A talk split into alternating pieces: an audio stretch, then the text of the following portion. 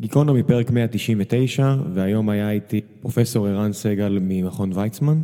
ערן הוא מתמטיקאי בהכשרתו, עשה את הדוקטורט שלו בסטנפורד, ובשנים האחרונות הוא חוקר דווקא משהו שקצת מפתיע. הוא מתעסק בתזונה, בסוכר, בחיידקים, לא מסוג המחקרים שהייתם מצפים ממתמטיקאי או אדם שהתעסק עם מדעי המחשב, כל הקריירה האקדמית שלו, להיות בהם. וזה מה שהוא עושה. המחקרים שלו פורצי דרך ביחס לחשיבות של סוכר, בכל הנוגע להשפעה על סכרת ועל השמנה, ואולי אפילו על סרטן, דיברנו על כל הדברים האלו, ודיברנו על שלל השפעות אחרות שקשורות לאוכלוסיית החיידקים בקיבה שלנו, ועל המחקרים שלו שהובילו לפתיחת, או לפתיחת החברה, בעצם לשימושה של החברה Day2 שעושה עכשיו הרבה רעש בארץ. הייתה שיחה מרתקת על שלל נושאים שקשורים לתזונה ומתודולוגיה של מחקר, ועל מה בדיוק הוא עשה ואיך הוא עשה, ועל באמת שיחה מרתקת. אז אני מאוד ממליץ לכם, ולפני שנתחיל עם השיחה, אני רק רוצה להזכיר לכם שמלבד הפודקאסט הזה, משפחת גיקונומי כוללת גם את בכל יום נתון, שבה אוריאל דסקל ועמית לבנטל ושרון דוידוביץ' ושלל פרשני ספורט נהדרים, מדברים, ביחד איתי כמובן, מדברים על ספורט עולמי, וציון שלוש, שבו יוני נמרודי וזיו להבי ואני מדברים על כדורגל ישראלי. ועכשיו, גיקונומי, פרק 199, ערן סגל, תהנו.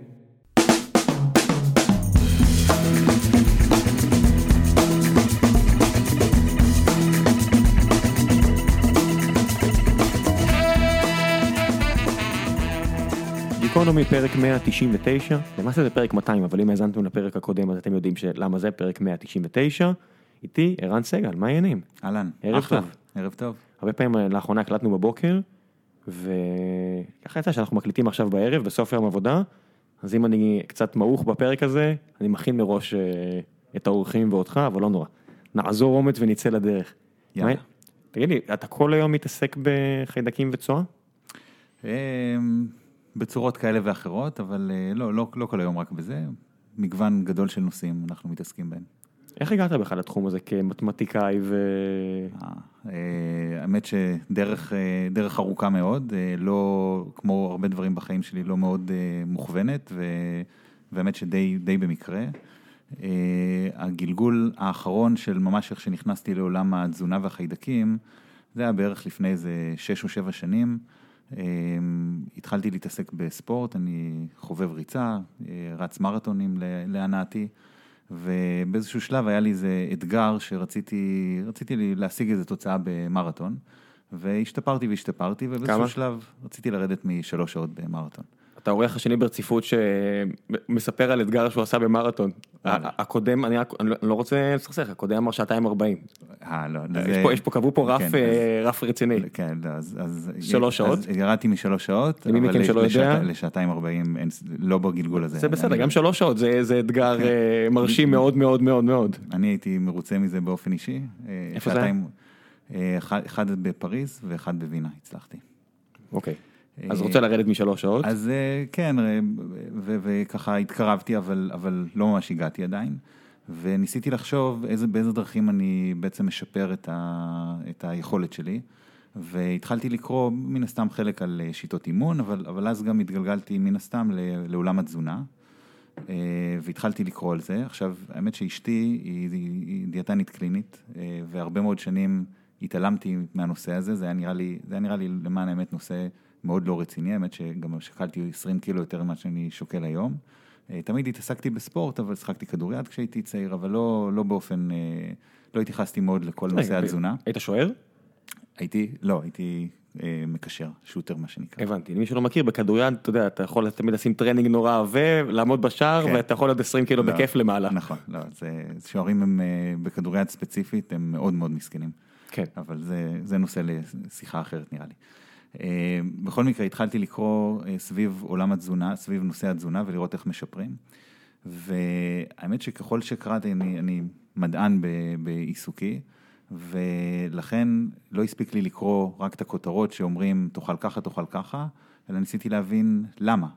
ואז אתה חופר וחופר ואתה מגיע בסוף למאמרים המדעיים, והאמת שזה היה די מזעזע לראות שבעולם התזונה, זה אולי לא מפתיע אף אחד, אבל יש המון המון אינטרסים, המון באמת תאגידים של, של מולטי מיליארדי דולרים שמזינים אותנו בהרבה מאוד דברים, וראיתי שהמחקרים עצמם, חלק גדול מהם מאוד קשה להאמין, כי הם יכולים להיות מאוד מוטים, הם, הם, הם ממומנים על ידי uh, תעשייה. הם גם סותרים אחד את השני. הם גם סותרים אחד את השני, uh, וזה גם, אנחנו, אני חושב שבסופו של דבר, כשנגיע לדבר על המחקר, אנחנו חושבים שאנחנו גם מבינים למה הם סותרים אחד את השני. אולי ניתן, השורה התחתונה של למה זה, או חלק גדול מהסיבה, זה שבעצם כל אחד מאיתנו הוא שונה, תזונה צריכה להיות מותאמת באופן אישי, זה, זה אחד הממצאים העיקריים שלנו, ומחקרי התזונה, הרבה מהם מבוססים על מספר נורא קטן של אנשים, ולכן מאוד יכול להיות שמה שאתה בודק במחקר אחד יעבוד על, על קבוצה קטנה של אנשים במקרה, במחקר אחר משהו אחר יעבוד, זה, זה מסביר חלק מהסטייל. כמה מהר אתה מתחיל לעלות על דרך המחשבה הזו, שזו הבעיה במחקרים?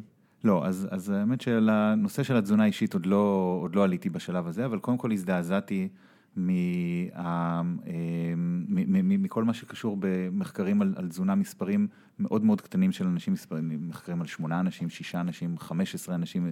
זה, זה די מדהים שב-2013, זו התקופה שאנחנו מדברים? כן, פחות או יותר. אתה מספר לי דברים, על תקופה כזאת אתה מספר לי, כי קיינמן קיבל נובל על להוכיח שחוקרים עושים בדיוק את הבעיה הזאת של אה, מדגם קטן מדי, וזה שהם, שרוב החוקרים, בעיקר בתחומים האלה, אין להם מושג בסטטיסטיקה, וזה יוצר כל כך הרבה עיוותים. והנה אתה ב-2013 אומר, אתה מגיע, מסתכל על מחקרים, ואתה מיד מבין שזו הבעיה. נכון, אז, אז לפחות בתחום התזונה, זה, זה היה ככה, יש לזה הרבה סיבות, אה, גם מתודולוגית, אה, זה, זה, הרבה פעמים זה חוקרים שלא מגיעים מהעולם של הסטטיסטיקה. אה, יש גם הרבה פחות מימון למחקרים בתחום התזונה, שזה עובדה מפתיעה בפני עצמה, כי בעיניי, ככל שקראתי יותר ויותר, הבנתי שתזונה זה מרכיב סופר חשוב בנושא של הבריאות שלנו, ולמעשה הרבה מהעלייה בתחלואה שיש לנו ב-40-50 שנה האחרונות, ויש לנו עלייה מאוד גדולה בתחלואה למרות העלייה בתוחלת החיים, אמ, היא מגיעה בגלל אה, שינויים סביבתיים שעשינו, שהרבה מאוד מהם קשורים בתזונה. אז אני מתחיל לקרוא, אמ, ואז התגלגלתי, הייתה לי איזה טיסה פעם אחת, נסעתי לתת הרצאה באוסטרליה, הייתה טיסה מאוד ארוכה. אה, קרוב ל-30 שעות בדרך, קראתי איזשהו ספר של אה, אה, בחור בשם גרי טאוב, ספר מאוד מאוד רציני, שככה סקר את כל ה... הרבה מההיסטוריה של העשרות שנים האחרונות בעולם התזונה, וכשקראתי את הספר גם כתוב מאוד מאוד רציני, עם הרבה רפרנסס למאמרים, באמת עשה עבודה מאוד רצינית הבחור, והזדעזעתי לראות בעצם איך כל הנושא של, הוא דיבר בעיקר על זה שהם עשינו שינוי רדיקלי בתזונה שלנו כשעברנו מצריכה די גדולה של שומנים באוכל שלנו לצריכה מאוד דלה של שומן, התחלנו לחשוב ששומן זה דבר שהוא רע. אנחנו מדברים על שנות ה-60 בערך. אנחנו נכון? מדברים בדיוק על שנות ה-60. היה חוקר בשם אה, אנסל קי, זה סיפור... זה סיפור מדהים, כי אם אתה. מבין מה, מה האינטרסים שהובילו למחקרים שלו והסיפור מסביב. נכון. והאמת, אני עושה פה עם. לא גרשיים, עם, אה, מרכאות. מישהו שלח לי תיקון על זה בדיוק השבוע, אז אני אזרום על זה. אה, כן. נכון, אז אה, אה, האמת שהייתה לו, לאנסל קיז הייתה היפותזה בשנות החמישים. ההיפותזה היא מאוד הגיונית, שאתה אוכל, אם אנחנו צורכים הרבה שומן באוכל שלנו, אז זה יכול להביא להצטברות של שומנים בדם, והשומנים בדם יכולים לסתום את העורקים ולהוביל למחלות לב. עכשיו זאת הייתה היפותזה שלו. ועד כאן הכל בסדר, לבדוק היפותזות זה טוב, זה גם היפותזה שהיא, שהיא הגיונית. אבל, אבל מכאן בעצם הוא עשה טעות, שהאמת שהרבה מאוד אנשים משלמים עליה את המחיר אה, אה, בעיניי עד היום, וזה אה, הטעות שהוא בעצם, בלי להתבלבל מהדאטה, הוא פשוט רצה להגיד, להוכיח את ההיפותזה. אז הוא בדק קשר בין צריכה של שומנים בכל מיני מדינות שונות ומחלות לב. היה לו, הוא אסף מידע על משהו כמו 22 מדינות. הרבה מדינות לא הסתדרו, לא התאימו להיפותזה, אז מוציאים אותם החוצה. מידע על 16 מדינות, הוא תרץ את זה בכל מיני סיבות לא רלוונטיות, נשאר עם 6 מדינות, והשש מדינות האלה נתנו לו קורלציה כמעט מושלמת בין צריכה של אה, שומנים באוכל לבין מחלות לב. אה, אבל הוא הוציא כמובן מדינות, אה, מדינות כמו צרפת שבהן יש צריכה מאוד גבוהה של שומנים, אבל היה יחסית מעט מחלות לב, או מדינות כמו פינלנד שבדיוק הפוך, הוא הוציא כל מיני מדינות שלא התאימו. ואיכשהו עם המחקר הזה זה, זה התגלגל, ולא חשוב כל הפרטים, אבל התגלגל עד לזה שבסופו של דבר, בשנות ה-70, ועדה, ועדת סנאט אמריקאית, אה, בלי מדענים, וגם תוך כדי התגלגלות לאורך הדרך, בלי הרבה מדענים שהיו מעורבים, הגיעו למסקנות של ועדת סנאט שאומרות שצריכת שומנים יכולה לגרום למחלות לב. אה, מאז, לאורך הרבה מאוד שנים, לא הצליחו להוכיח את, ה, את הקשר הזה, אה, אבל, אבל זה גרם לפני אה, משהו כמו 40 שנה לשינוי מאוד דרמטי בכל הרגלי התזונה שלנו. התחלנו לחשוב ששומן זה רע, זה גם התחיל שרשרת מאוד גדולה של שינויים במזון בתעשייה. דל שומן. בדיוק, כל תופעת הדל שומן למעשה התחילה כן. מאז. והיה צריך למלא את הקלוריות האלה במשהו אחר. בדיוק, אני רואה שאתה מכיר את העניינים האלה, נכון. יש לנו פה במשרד בחור קיטוגני, אוקיי. וגם אה, דורון שעושה איתי את הפודקאסט, אוקיי. גם הוא נפל ב... אוקיי, אפשר כן. לדבר גם על דיאטות כן, כן, קיטוגניות. אנחנו אה, בטוח שהרבה מאזינים ישמחו לשמוע. נשמח, אה, אבל בכל מקרה, זה, אז, אז אתה מכיר את זה, אז בדיוק, אז זה, זה, זה בעצם הוביל לזה שקודם כל צריך להגיד ששומן באוכל זה דבר טעים. וברגע שאתה מוציא את השומן, מעבר לזה שצריך למלא קלוריות, צריך גם לתת טעם לאוכל. אז פשוט התחילו להוסיף uh, סוכר. ואם אתה מסתכל... ותוספי... אה, סוכר ותוספי, ואז... הנה, רק עכשיו נמכרה, היום קיבלנו הודעה על חברה ישראלית שנמכרה במיליארדי דולרים. נכון. היא עושה בדיוק את זה. כן, אני לא מכיר את הפרטים כן, של בדיוק לא מה עושה. לא משנה, לא ניכנס כן. לעובי הקורה, אבל זה בדיוק, אתה יודע, תוספי טעם. נכון, נכון. אה, כן, אז נכון, אחר כך, אה, חוץ מנושא הסוכר, אחר כך החליפו, אחר כך שחשבו שהסוכר הוא לא טוב בגלל הקלוריות, החליפו את זה בממתיקים מלאכותיים, הייתה לנו עבודה מאוד גדולה על ממתיקים מלאכותיים, אפשר לדבר על זה עוד בהמשך. אל תדאג, אנחנו חוזרים לכל הדברים האלה. מאה אחוז. דברים חשובים ומעניינים. אה, אבל, אבל בכל מקרה, השינויים האלה... מסמן לך על המזגן, שנייה אחת. אה.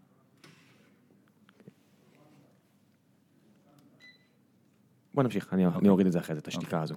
בסדר. כן. אז אה, אה, כן, אז בכל מקרה, השינוי הדרמטי הזה גרם לזה שהתחלנו לצרוך פחות שומן באוכל, והתחלנו לצרוך יותר, אה, יותר פחמימות, ובעיני הרבה מאוד אנשים, זה בעצם היה הסיבה ש... להרבה תופעות של מחלות שהתחילו להתפתח, גם השמנה, גם סכרת. ו, וכל הדברים האלה בעצם גרי טאוז מדבר עליהם בספר, והוא מדבר על כל הפוליטיקה שהייתה מאחורי כל, ה, כל ההחלטה הזאת, וכמה זה לא היה מבוסס מדע, ואני בדרך בטיסה לאוסטרליה ודי נדהם לקרוא את זה, ו, ופתאום להבין שעכשיו חוזר ספציפית להמלצות שאני הקשבתי להם, שמן הסתם מי שמכיר את זה מעולם הספורט, אז הרבה מההנחיות הם לצרוך הרבה מאוד פחמימות ולהעמיס פחמימות לפני ריצות ארוכות וכולי, כל הסטנדרט כן, שגם כן, אני נהגתי על פי. קערת פסטה, חובה, אתה יודע, כל הדברים האלו. בדיוק, אה, אז זה היה ככה משהו אחד שמאוד הצית בי את המחשבה. כמה דברים, ואני אומר לכם, ולמאזינים, כמה דברים פשוט לקחנו כמובן מאליו, למשל את העובדה שאתה הולך לארוחת צהריים, במקום העבודה שלך ואתה מפורק לאחר מכן. נכון. אתה אוכל איזה לחמניה או סנדוויץ' או, או פסטה שהבאת מהבית או לא יודע מה. חומוס. לא משנה, כל כן. דבר כזה ואתה פשוט מפורק. נכון. אנחנו לקחנו אה, כמובן מאליו את העובדה שלמרות שישנו בסדר, אם ישנו בסדר ולמרות שאנחנו בריאים בגופנו ואולי גם בנפשנו בתקווה, שניים, שתיים בצהריים לא מתפקדים. כן. אחוז ענק מהאוכלוסייה, פשוט לקחנו את זה בסדר והמשכנו עם זה. כן. אתה יודע, יש לנו כינויים לזה בתרבות, אתה יודע, ALS, אתה מכיר את הראשי תיבות? כן. After Lunch Syndrome זה לא המחלה כן. הנוראית, וכולם מקבלים את זה כעובדה מוגמרת, שככה זה. כן. ואז כמה חוקרים, וזה ממש בשנים האחרונות כמוך, קמים ואומרים, יש פה בעיה. נכון. או, או לפחות מה שראיתי זה שזה לא מבוסס על מדע. אה, ואז ככה פה התחיל, התחלתי לחשוב בצד של החוקר שבי, שבעצם יש פה משהו ש, שיכול להיות מאוד מעניין לחקור ו, ולהבין אותו. עכשיו לצד זה קראתי גם איזה ספר, יש אה, ספר של אה, באמת המודל לחיקוי בעולם הריצה, חוקר מדרום אפריקה בשם טים נוקס.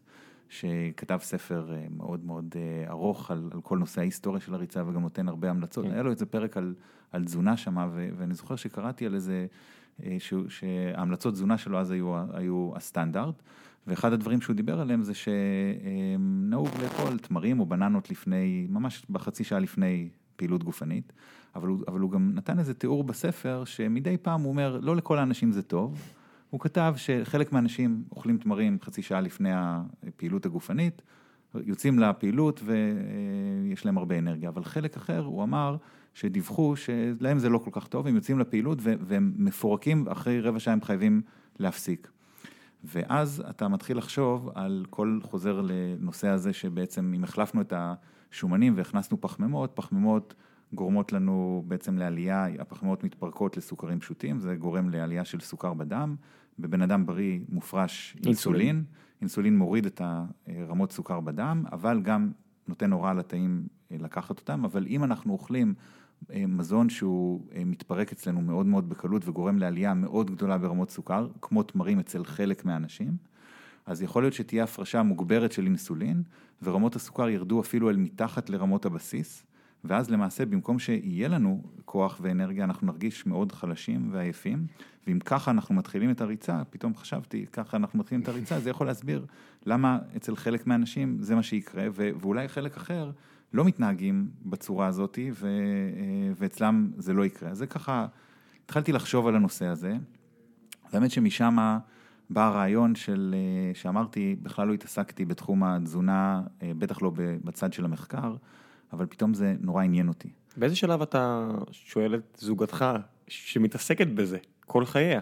מה דעתה, או מה היא מכירה ואיך היא חושבת על זה. כן, אז אנחנו מדברים על זה הרבה, באותם... עוד לפני. הטיסה הזו, עוד לפני... בטח, בטח, מדברים על זה. זה פשוט ישב אצלך איפשהו בראש והתעלמת? כן, קודם כל היא הייתה כל הזמן אה, חופרת לי על כל נושא התזונה באופן כללי, וכמה אני אוכל רע וכולי. זה, מה, באמת אה, הכיוון שלה, הרי מבין התפיסות שקיימות בעולם התזונה? אז, הכיוון שלה באותם שנים זה הכיוון, אה, לא, היא לא חוקרת, היא דיאטנית, אז היא... אה, בעצם אה, יש תורה שלימדו אותה, ואת התורה הזאת היא, היא מעבירה באותם שנים. פחות היא... קלוריות אה, להכניס, כן, יותר קלוריות לשרוף, בגדול, המודל, בגדול, נכון, המודל של, ה, של הרבה מאוד מהדיאטנים, כן. גם עד היום, של, של, לא של כולם צריך לציין, אבל של הרבה, זה באמת שהכל זה מאזן קלורי. עכשיו, קלוריות זה דבר מאוד חשוב, אבל אני חושב שהיום אנחנו גם מבינים שבוודאי זה לא הדבר היחיד שחשוב, אבל כן, בגדול... ולא כל הקלוריות נולדו שוות. אבל, זה אנחנו מבינים היום, אבל, אבל חוץ מנושא הקלוריות, גם אה, נושא המקרונוטריאנטים, בעצם החלבונים, פחמימות ושומנים, גם היא חושבת באותם שנים ש, ששומנים זה לא דבר טוב, וצריך יחסית להפחית בו, ובעצם ההמלצות הסטנדרטיות, אגב עד היום, ההמלצות הסטנדרטיות של האיגוד הדיאטטי האמריקאי וגם הישראלי שעוקב אחריו, זה אמ, אה, דיאטה שהיא יחסית עתירה בפחמימות ויחסית דלה בשומנים. זה עדיין ההמלצות הרווחות והסטנדרטיות.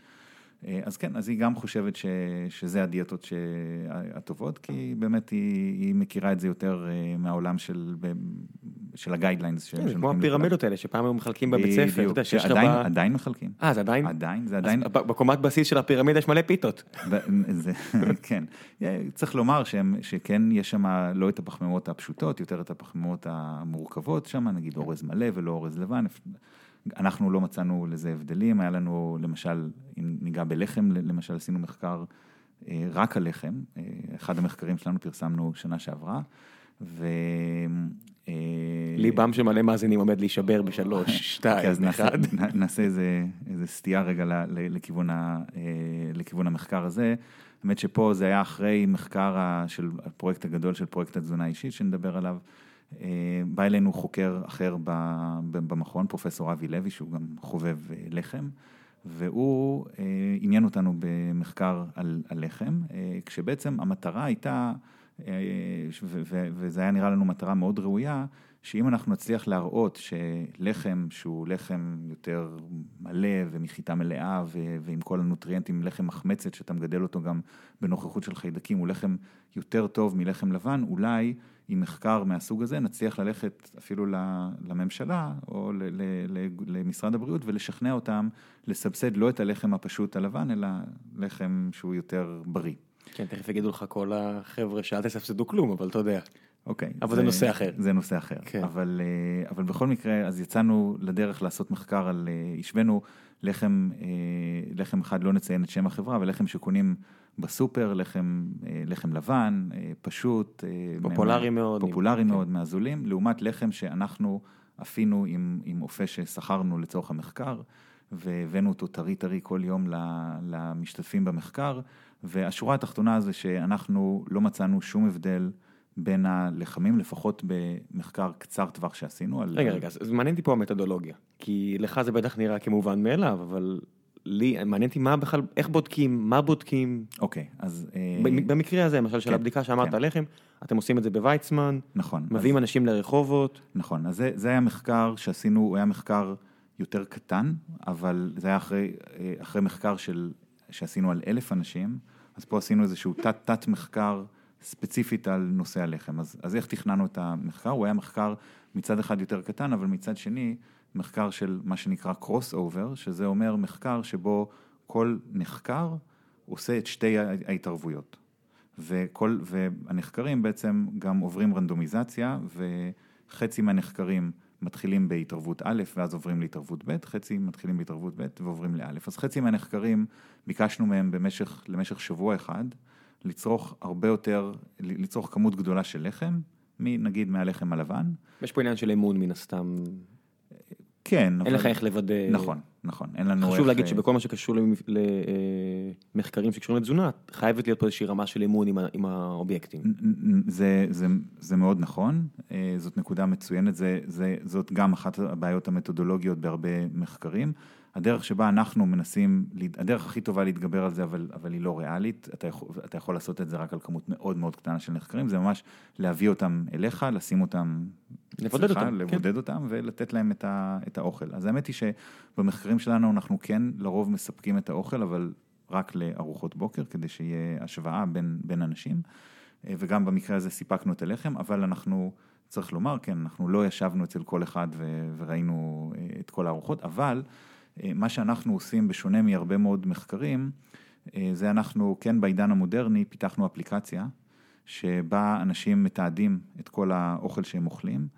אה, האפליקציה הזאת היא גם, היא, היא מול הענן, אז, אז אנחנו בריל טיים יכולים לראות גם מה אנשים מתעדים, ואם למשל אתה משתתף במחקר וראינו שאתמול לא תיעדת כלום, אז למחרת אתה תקבל טלפון מאחד ה- אחת המתאמות מחקר שלנו, שתשאל אותך אה, מה קרה ולמה אתה לא, ולמה אתה לא מתעד. אז כמובן שעדיין אתה יכול לתעד לא בדיוק את מה שאתה אוכל, אבל לפחות אנחנו אה, מקבלים תיעוד אה, די מלא של, של אנשים לכל מה שהם אוכלים, ממש בריל טיים. וגם חשוב, אתה יודע, כל מיני, תזונה עבור הרבה מאוד אנשים מחוברת לכל כך הרבה מאוד דברים, לאספקטים רגשיים בחיים שלהם. ופתאום הנה, חת- לקחת איזה חתיכת שוקולד, האם אני אדווח על זה? כי אתה צריך להיות מאוד כנה כלפי עצמך. ו- כן, כן, אז, אז, אז אה, האמת שאתה נוגע בנקודות מאוד טובות שאנחנו חשבנו עליהן הרבה מאוד, ואנחנו כל הזמן. חושבים עליהן, נושא המתודולוגיה, כי באמת, אחת הבעיות הגדולות במחקרים של תזונה זה שאתה נותן הדרכה לאנשים, אבל אתה לא באמת עוקב אחרי מה שהם עושים. אז, אז הדרך הכי טובה שאנחנו מצאנו לזה כרגע, זה, זה עם תיעוד דרך אפליקציה ו, ומעקב שלנו בריל טיים, לראות שאנשים אה, מתעדים. עכשיו, עוד משהו מתודולוגי, זה כהחלטה עקרונית, אנחנו החלטנו לא לשלם לנחקרים שלנו במחקר, כדי שהמוטיבציה לא תהיה כספית, אלא המוטיבציה שאנחנו אומרים לאנשים זה בעצם, אם אתה תשתתף במחקר, אתה תלמד הרבה על עצמך. כי מה שאנחנו עושים במחקרים האלה, אנחנו מחברים אנשים למד סוכר רציף, שמודד את רמות הסוכר שלהם כל חמש דקות. רגע, רגע, מעניין שוב. מד סוכר רציף זה אומר לא דקירה ובדיקה, נכון, נכון. אלא? אה, אז אחד הדברים אולי היחידים הטובים שקרו מהעלייה המטורפת שהייתה בכל נושא הסכרת, זה התפתחות של טכנולוגיות. אחת מהן זה מד סוכר רציף, שזה איזשהו אה, מד סוכר שאתה מחבר אותו, אה, זה יכול להיות בבטן, זה יכול להיות אה, מאחורי היד. כל אזור שומני? כל אזור שום, כן, אזור שום, אבל כן, לרוב שני המקומות הספציפיים האלה. יש לו איזה מחט זעירה, זה לא, לא כל כך מרגישים, מרגישים איזו דקירה מאוד קלה ברגע שמכניסים את זה, ואז אפשר ללכת עם סנסור אחד למשך שבוע או שבועיים, וכל חמש דקות הוא מודד מהנוזל החוץ תאי, הוא מודד את רמות הסוכר, מדהים. וזה בקורלציה מאוד מאוד גבוהה לרמות הסוכר שבאמת יש בדם. וזה זה, זה מכשיר היום, זה מכשיר רפואי, הוא, הוא מאושר על ידי ה-FDA לסכרתיים, ואנחנו במחקר השתמשנו בו, במחקר הגדול שעשינו, עקבנו אחרי, חיברנו אלף אנשים למד סוכר רציף, וגם במחקר הזה על אפשר הלחם. לשאול שאלה קטנה בנוגע למתודולוגיה שוב? אמ, עד כמה, בכל הנוגע לסוכר, ותכף נדבר על הגילויים שלכם, עד כמה משפיעים ההבדלים באורך החיים של האנשים? זאת אומרת, שעות שינה, אה, סטרס, אה, זה גם, גם, גם אלה גורמים משפיעים. אה, זה כן משפיע על- זה על- בהחלט, בהחלט משפיע. אה, כשמישהו נמצא בסטרס, רמות הסוכר שלו יכולות לעלות. אה, גם שינה משפיעה. בס- כשאנחנו פיתחנו את ה... כש... הפרויקט הגדול שעשינו, זה הפרויקט שבו חיברנו אלף אנשים למד סוכר רציף במשך שבוע. ביקשנו מהם לתעד את כל האוכל ש... שהם אוכלים, ואם חוזרים רגע למתודולוגיה, אז אנחנו אמרנו לאנשים שהסיבה ש... שלהם להשתתף במחקר היא לא כספית, אנחנו לא, לא נשלם להם כלום, אבל אם הם יחוברו למד סוכר הרציף הזה למשך שבוע ויתעדו את מה שהם אוכלים, אז אנחנו נוכל לספק להם תשובות אחר כך של לומר להם איזה מהמזונות והארוחות שהם אכלו, אנשים משלמים הרבה כסף מה- לדייטו, החברה שאתה קצת קשור אליה, נכון. כדי, עבור הזכות הזו. נכון, אז, אז זה, אנחנו מדברים על שנת 2013 כשהתחלנו את המחקר עד 2015, אז זה היה מחקר טהור במכון ויצמן, לא הייתה, לא לא הייתה חברה ולא הייתה עוד. מסחרי. לא, גם עוד לא, אני רק אומר, לא מבחינת. התמריץ של האנשים, אני לגמרי מבין את התמריץ הזה, כי... נכון, כי הוא קיים היום, אז מן הסתם, כן. גם אז. כן. ההבטחה הזו של, אני אגיד לך מה כדאי לך לאכול בשביל, למען בריאות טובה יותר, למען פחות, אה, לא יודע, פחות אה, בדיוק. שומן מסביב למותניים, היא גדולה מאוד. נכון, נכון, אז, ה, אז בדיוק ההיפותזה שאנחנו יצאנו איתה למחקר, אה, הייתה שאנשים יגיבו שונה מבחינת רמות סוכר למזונות, ולכן אם אתה רוצה לדעת איך אתה מגיב לאוכל, אז הדרך היחידה שלך לדעת את זה, זה, זה להתחבר לכזה מד סוכר ו, ולמדוד. אז זה היה אינסנטיב לאנשים להשתתף, ובעצם אתה ידעת שאם אתה לא תת... אם אתה תרמה לצורך העניין, אז, דופק את אז. אז אתה דופק את עצמך, אנחנו, אני, אנחנו כחוקרים נוכל לספק לך תשובות פחות טובות לתגובות האישיות שלך, ו, ואני חושב שזה מאוד עזר ל, אה, ל, ל, לזה שה data שאנחנו אספנו מאנשים היה מאוד איכותי, אני לא אגיד שהוא היה מושלם. והמסקנה שלכם הייתה שאין באמת הבדל בין לחם לבן לכל הלחמים אז- היקרים הרבה יותר? אז, אז בנושא של הלחם, אז צריך להגיד, בדקנו שני לחמים, אבל בדקנו שני לחמים שמבחינתנו הם, הם extremes. אה, מצד אחד הלחם התעשייתי שאתה קונה בסופר, ומצד שני הלחם מחמצת שאנחנו אפינו והבאנו טרי כל בוקר. ומה שאנחנו בדקנו זה כל, בן- כל מי שנחקר במשך שבוע אחד אכל הרבה מאוד מהלחם אה, מחמצת, ואז עשה שבועיים הפסקה, ואז אכל במשך שבוע אחד הרבה מהלחם הלבן, וחצי מהנחקרים עשו בדיוק את אותו דבר, רק בסדר הפוך. ובדקנו um, הרבה מאוד פרמטרים בדם, את כל הבדיקות דם של uh, שומנים וכולי, בדיקות דם רגילות. כל כמה זמן? אז בדקנו את זה לפני תחילת המחקר ואחרי שבוע של אכילה של אחד הלחמים, וגם uh, בלחם השני. אז כל בן אדם בעצם הושווה לעצמו. ומה שראינו זה שדי לתדהמתנו, uh, למרות שאחרי שבוע אחד של אכילה של לחם, היו הרבה מאוד שינויים של כל מיני פרמטרים בדם, לא היה הבדל בין הלחמים. כלומר, אכילה של לחם כן תשנה, אם אתה היום תתחיל לאכול לחם במשך שבוע אחד, אני יכול להגיד לך איזה דברים כנראה השתנו אצלך בדם בעקבות אכילה של לחם. במידה ולא אכלת לפני. אה, או בוא נגיד במידה ואכלת בצורה, כן, הרבה ספורדית פחות. אה, ולא כן, רציפה. אה, נכון. אה, דרך אגב, בחרנו להתמקד בלחם, כי ראינו מהמחקר שלנו על אלף אנשים, שמשהו כמו עשרה אחוז מהתצרוכת הקלורית היומית של ישראלי ממוצע, מגיע מלחם. מהקלוריות מגיעות מלחם. אני מניח שככל אה, שאתה במעמד. סוציו-אקונומי יותר נמוך, אז החלק של החלק היחסי של הלחם גבוה יותר. זה אני, יכול להיות, זה אני לא יודע להגיד מהמחקר שלנו, יכול להיות שב- שלמחקר באו ממעמד יחסית יותר הומוגני מאשר משהו שמשקף את כל האוכלוסייה, אבל טוב, זה, זה לא מחקר סוציולוגי, אתם בדקתם נכון. באמת... אה, לא, רגע, נכון. אז זאת שאלה אחת על המתודולוגיה. איך זה שבארץ, אתה יודע, בדיוק הייתי, באיזה הרצאה של יורם יובל שהיה פה לפני כמה שבועות, והוא הראה שם איזשהו, הוא דיבר על איזשהו ניסוי שאיזה חוקר ממנסוטה עושה על נזירות. הוא עושה את הניסוי הזה כי הם חיות כולן באותו מקום, ואורך חיים שלהם נורא דומה, אז הוא יכול לבודד הרבה השפעות סביבתיות. ואני אומר, בישראל יש עשרות אלפי חיילים בשירות חובה, שחיים ביחד ועושים אותו דבר, ואפשר לעשות עליהם כל כך הרבה ניסויים שקשורים לזה. נכון. איך, אה, אבל- איך צה"ל לא עוזר לך בדברים האלה? אז זהו, שמבחינה אתית אה, אה, על חיילים ואסירים, למשל, שזה גם היה יכול להיות אוכלוסייה טובה מבחינת מחקר, לא, לא מבצעים מחקרים, או בצה"ל נדיר מאוד. ואם- באמת? כן, למה? אה, מהרבה סיבות. אה, מה לא מהרבה- הייתי בזה? מחקר כמו שאתה תיארת לי עכשיו.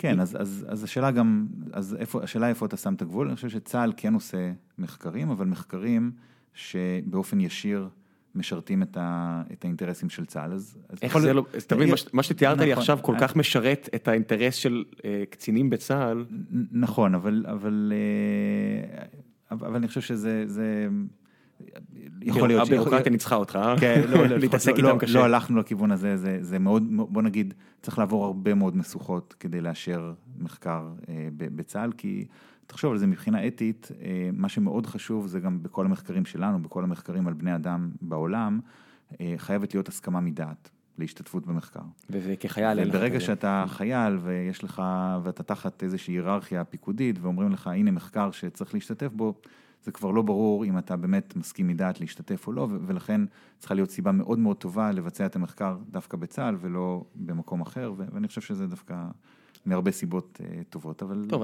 יש, יש למדינת ישראל היסטוריה עם ניסויים אה, פסולים על חיילים, אז אני מניח ש... נכון, לא רק לישראל, בכלל בעולם, ולכן כן, מאוד אני- אה, אני וכל מחקר, חשוב לציין שכל מחקר שאנחנו עושים הוא מחקר שעובר אישורים של ועדות אתיות, לראות ש... של שהוא- פנים המכון? אה, ש, שחלקם הם במכון וגם במחקרים שאנחנו עושים אה, בשיתוף פעולה עם בתי חולים. יש ועדות אתיות של בתי חולים שנותנות אישורים לכל מחקר שאנחנו עושים. רגע, לפני שאנחנו ממשיכים, מעניין אותי לשמוע, אתה אה, מתמטיקאי, נכון, מדעי המחשב ומתמטיקה, כן. כן, אה, אמצע שנות ה-90, נכון?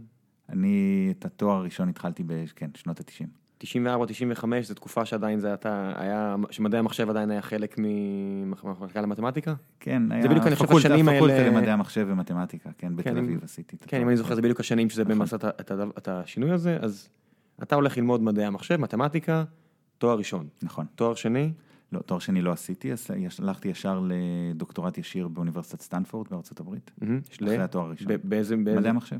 מדעי המחשב, אוקיי. אני אני רק מ- כן, מצייר כן. פה איזשהו קו שצריך מתישהו להתפצל. אז אתה אה, טס ל- לסיליקון וואלי, נכון, סטנפורד, נכון. מדעי המחשב, מתמטיקה, נכון. אה, בתקופה הזו, החל, החל מהתקופה הזו, הסיכוי שבו אדם כמוך יספר לי שהוא עולה על טיסה וקורא מחקרים על תזונה, יש פה איפשהו טוויסט. כן, נכון. איפה הטוויסט?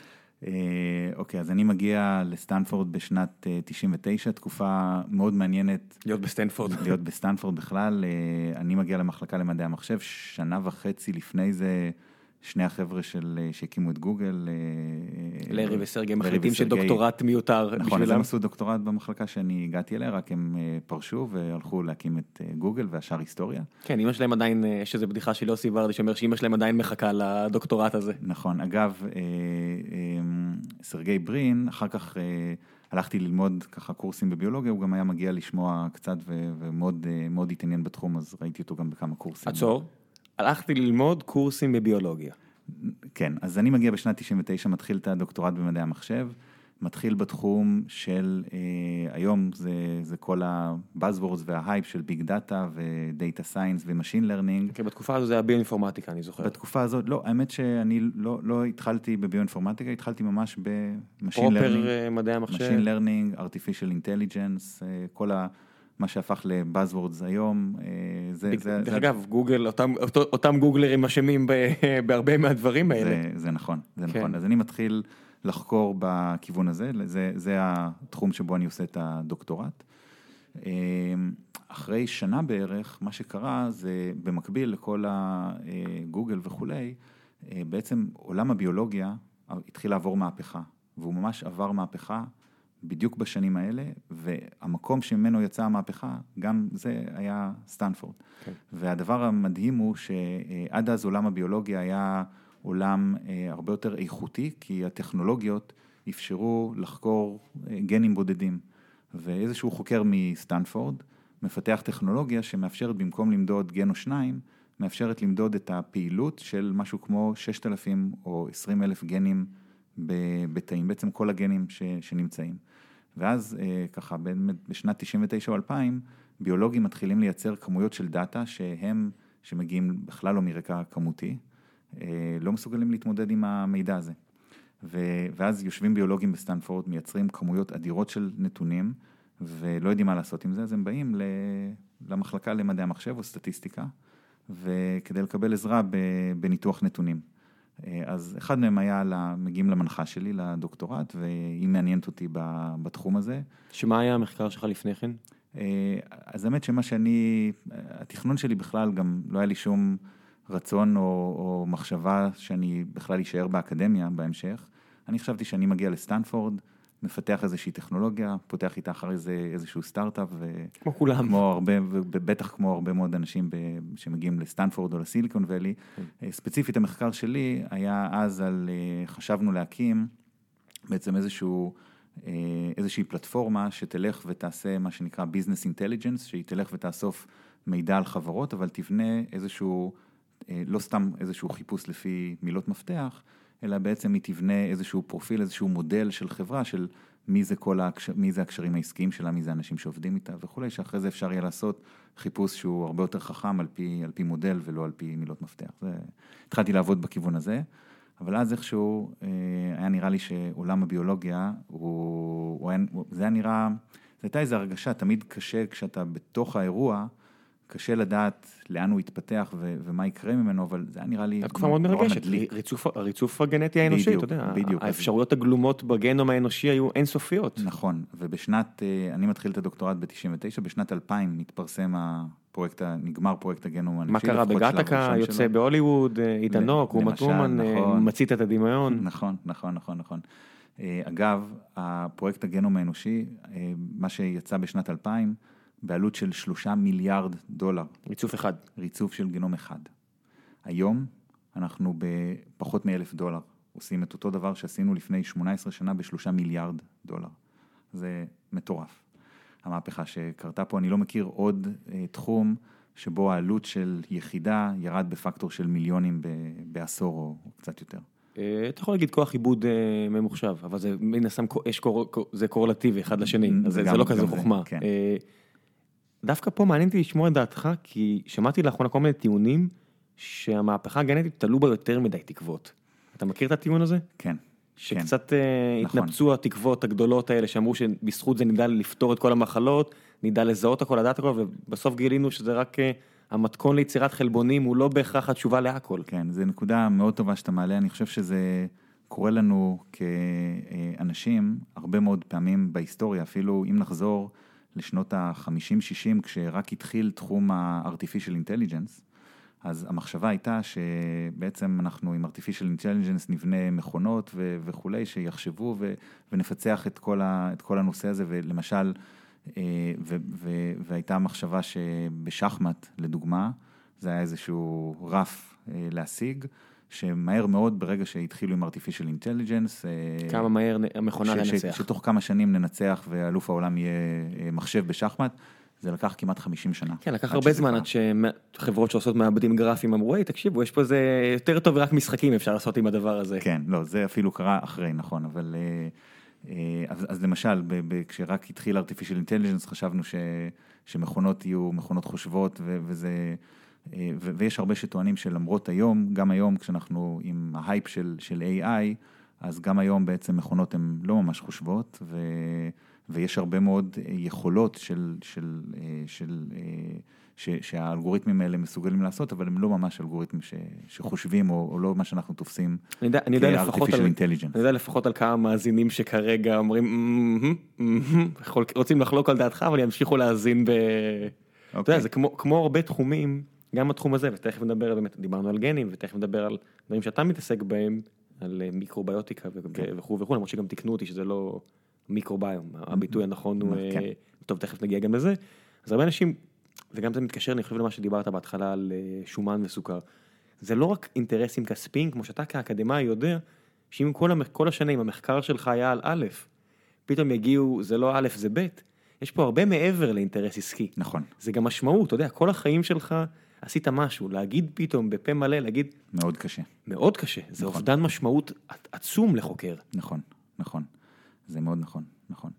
אה, כן, אבל בגלל זה אני יותר מגיע באמת, אני מגיע מהעולם של דאטה ונתונים, ולכן גם כשהלכנו לחקור את כל נושא התזונה, אנחנו ניגשנו לזה, אני, אני חושב בצורה שונה.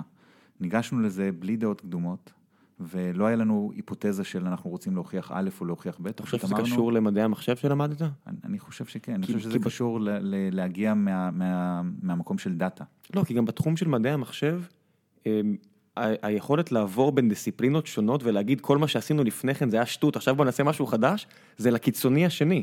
אנחנו עוברים פה בין שפות פיתוח ובין, אה, מה היום זה רק חייב להיות, אה, אתה יודע, מה, מה type, מה פתאום type, זה חייב להיות דינמי וזה מה פתאום סטטי ובוא נעבור לעשות functional programming וכל שנה זה משתנה משנה לשנה ומי שנשאר מקובע יותר מכמה שנים הוא דינוזאור. כן, אבל דווקא את התכנות אני, אני מתכנת מגיל תשע, אני, אני חושב שדווקא... אתה לא חושב שזה השפיע על הצורה שבה אתה חושב? אני חושב ש... לא, זה בהחלט השפיע על הצורה שאני חושב, חד משמעית, אבל דווקא הנושא של לעבור שפות תכנות, נראה לי ש... מיצית אותו? לא, אני חושב שקונספטואלית, אנחנו מתכנתים בדרכים מאוד דומות כבר הרבה מאוד שנים, וגם אם אתה עובר בין, לא חושב, אובייקט אוריינטד או פונקשיונל או זה, זה ההבדלים הם, הם, הם יכולים להיראות אולי גדולים, אבל בסופו של דבר מערכות שעושות דברים די דומה. כן, זה בדרך כלל אינדיקציה מפתח טוב. אם מישהו רוצה לדעת איך לבדוק מפתח טוב, לא טוב, זה התשובה שהוא ייתן. אה, אם הוא ישכנע אותך שיש הבדל ענק בין שתי טכנולוגיות שנשמעות דומה, תשלחו אותו לרעיון הבא. כן. אה, אבל חזרנו לענייננו. לענייננו, כן. אז אה, נכון, אז חזרה לשאלה שלך על גנטיקה, באמת, כמו בהרבה דברים אחרים, אז, אז כשיצא הגנום האנושי, אז חשבו שהנה, אנחנו קיבלנו, את, קיבלנו בעצם את ספר החיים, נכון? זה כל ה... זה, זה הבסיס לכל, למה שאנחנו. ובמידה מאוד רבה זה נכון, אבל קיבלנו את ספר החיים, אבל לא היה לנו אבא ואימא שילמדו אותנו איך לקרוא אותו. ואנחנו עדיין נאבקים בללמוד איך לקרוא אותו גם 20 שנה אחרי. היו הרבה מאוד התקדמויות, אה, אבל אני חושב שאחת ההבנות, לפחות שלי יש, אה, וגם אצל הרבה אחרים, וחלק עדיין אני חושב שלאו דווקא חושבים ככה, זה שבסופו של דבר הגנטיקה שלנו, אני חושב על זה כמו על, אה, זה, זה מין, זה הפוטנציאל שלנו. אבל זה מין, תחשוב על זה אפילו אם, אם נדבר על, דיברנו על, על קוד ותכנות, אז תחשוב שיש לך קוד מאוד גדול, שיש לו הרבה מאוד פונקציות, אבל לא, לא בהכרח אתה הולך עכשיו לקרוא לכל הפונקציות האלה. כלומר, יש איזשהו פוטנציאל. ה-API מאוד עשיר. מה תעשה איתו? ה-API מאוד עשיר, אבל אם לא תקרא לחלקים מסוימים בו, אז יש דברים שלא יפעלו בו. למשל, נדבר על, דיברנו על סכרת. אז סכרת, אנחנו עם אותה גנטיקה שיש לנו היום ולפני 100 שנה, גנטיקה משתנה בטווחי זמן מאוד מאוד אה, ארוכים.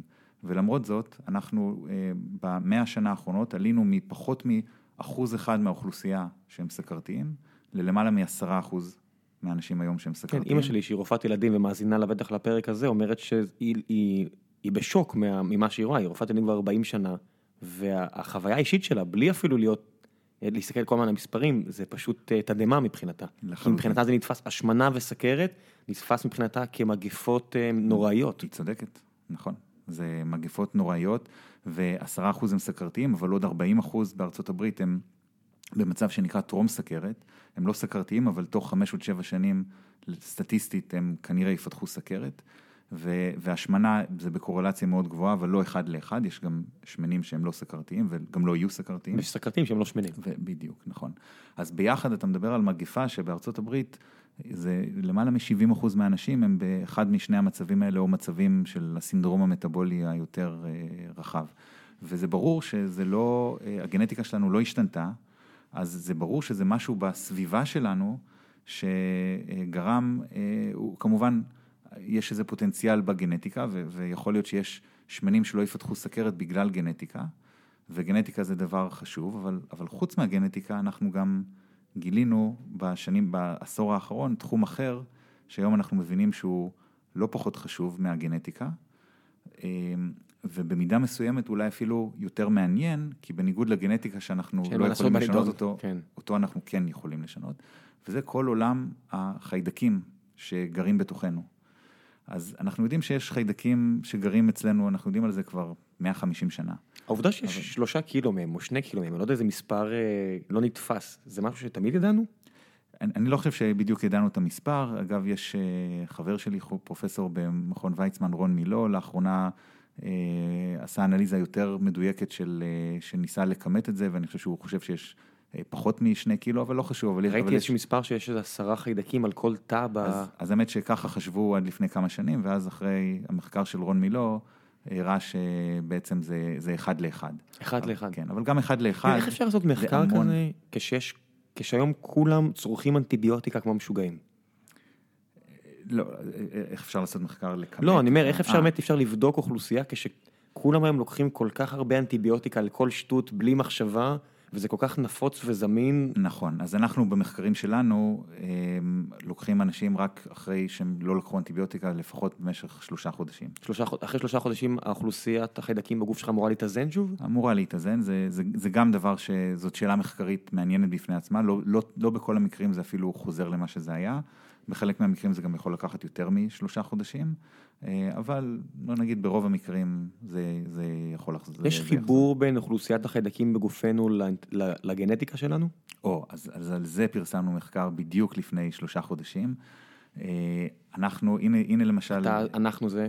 אה, הקבוצה שלי במכון ויצמן, חלק אוקיי. גדול מהמחקרים אני עושה עם קבוצה נוספת, קבוצה של פרופסור ערן אלינב ממכון ויצמן. אמ, ומה ש...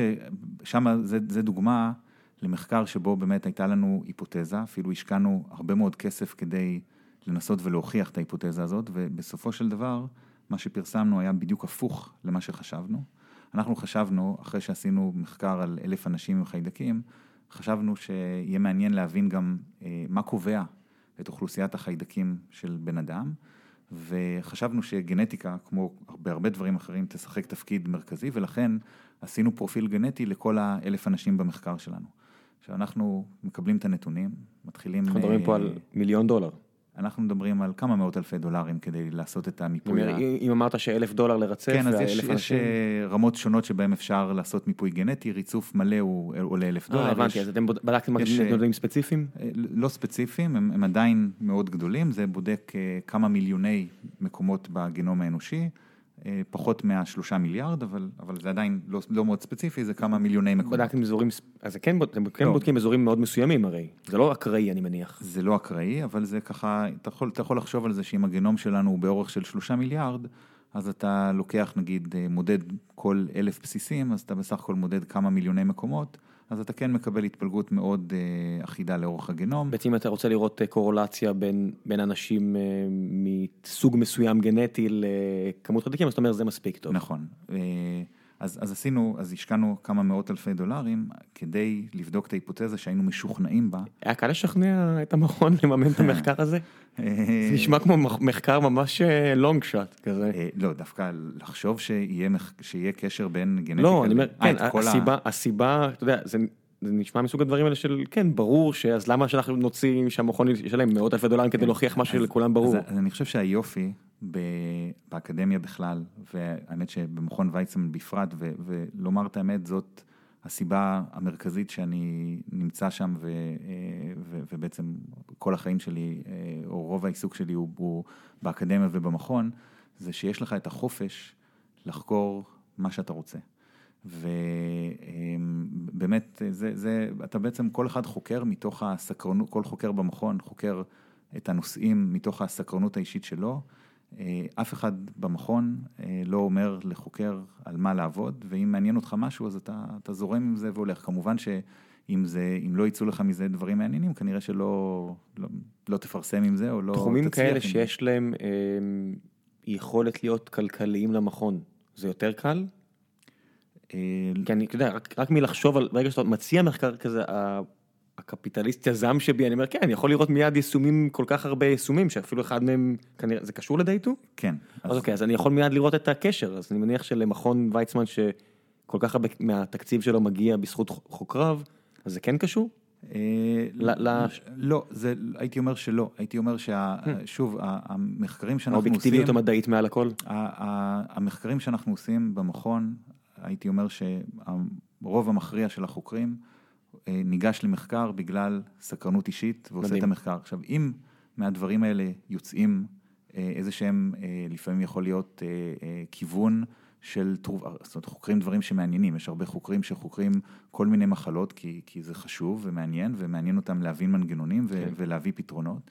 ואם עולים על דברים שיכולים להביא לתרופות, אז בשלב הזה, כן יהיה אינטרס, לא, לא, לא רק בגלל אינטרס כלכלי. לעזור לאנשים. בדיוק, כן. עד היום נכון. אולי הכניסה מיליארדים, אבל היא גם עזרה לאיכות חיים של כל כך הרבה אנשים מסכנים. זה, אז כל, נכון, כל המחקרים, אז, אז בעצם ברגע שמסתיים מחקר, ועכשיו למחקר יש פוטנציאל, כמו שקרה במחקר שלנו, אז יכול להיות לקרות מצב שאני רואה אותו כדבר מאוד מאוד חיובי.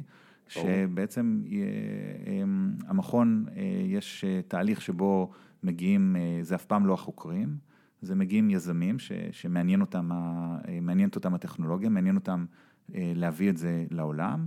מגיעים יזמים ולוקחים ברישיון ממכון ויצמן את הטכנולוגיה, לא ויכולים להפוך את זה לסטארט-אפ. נכון?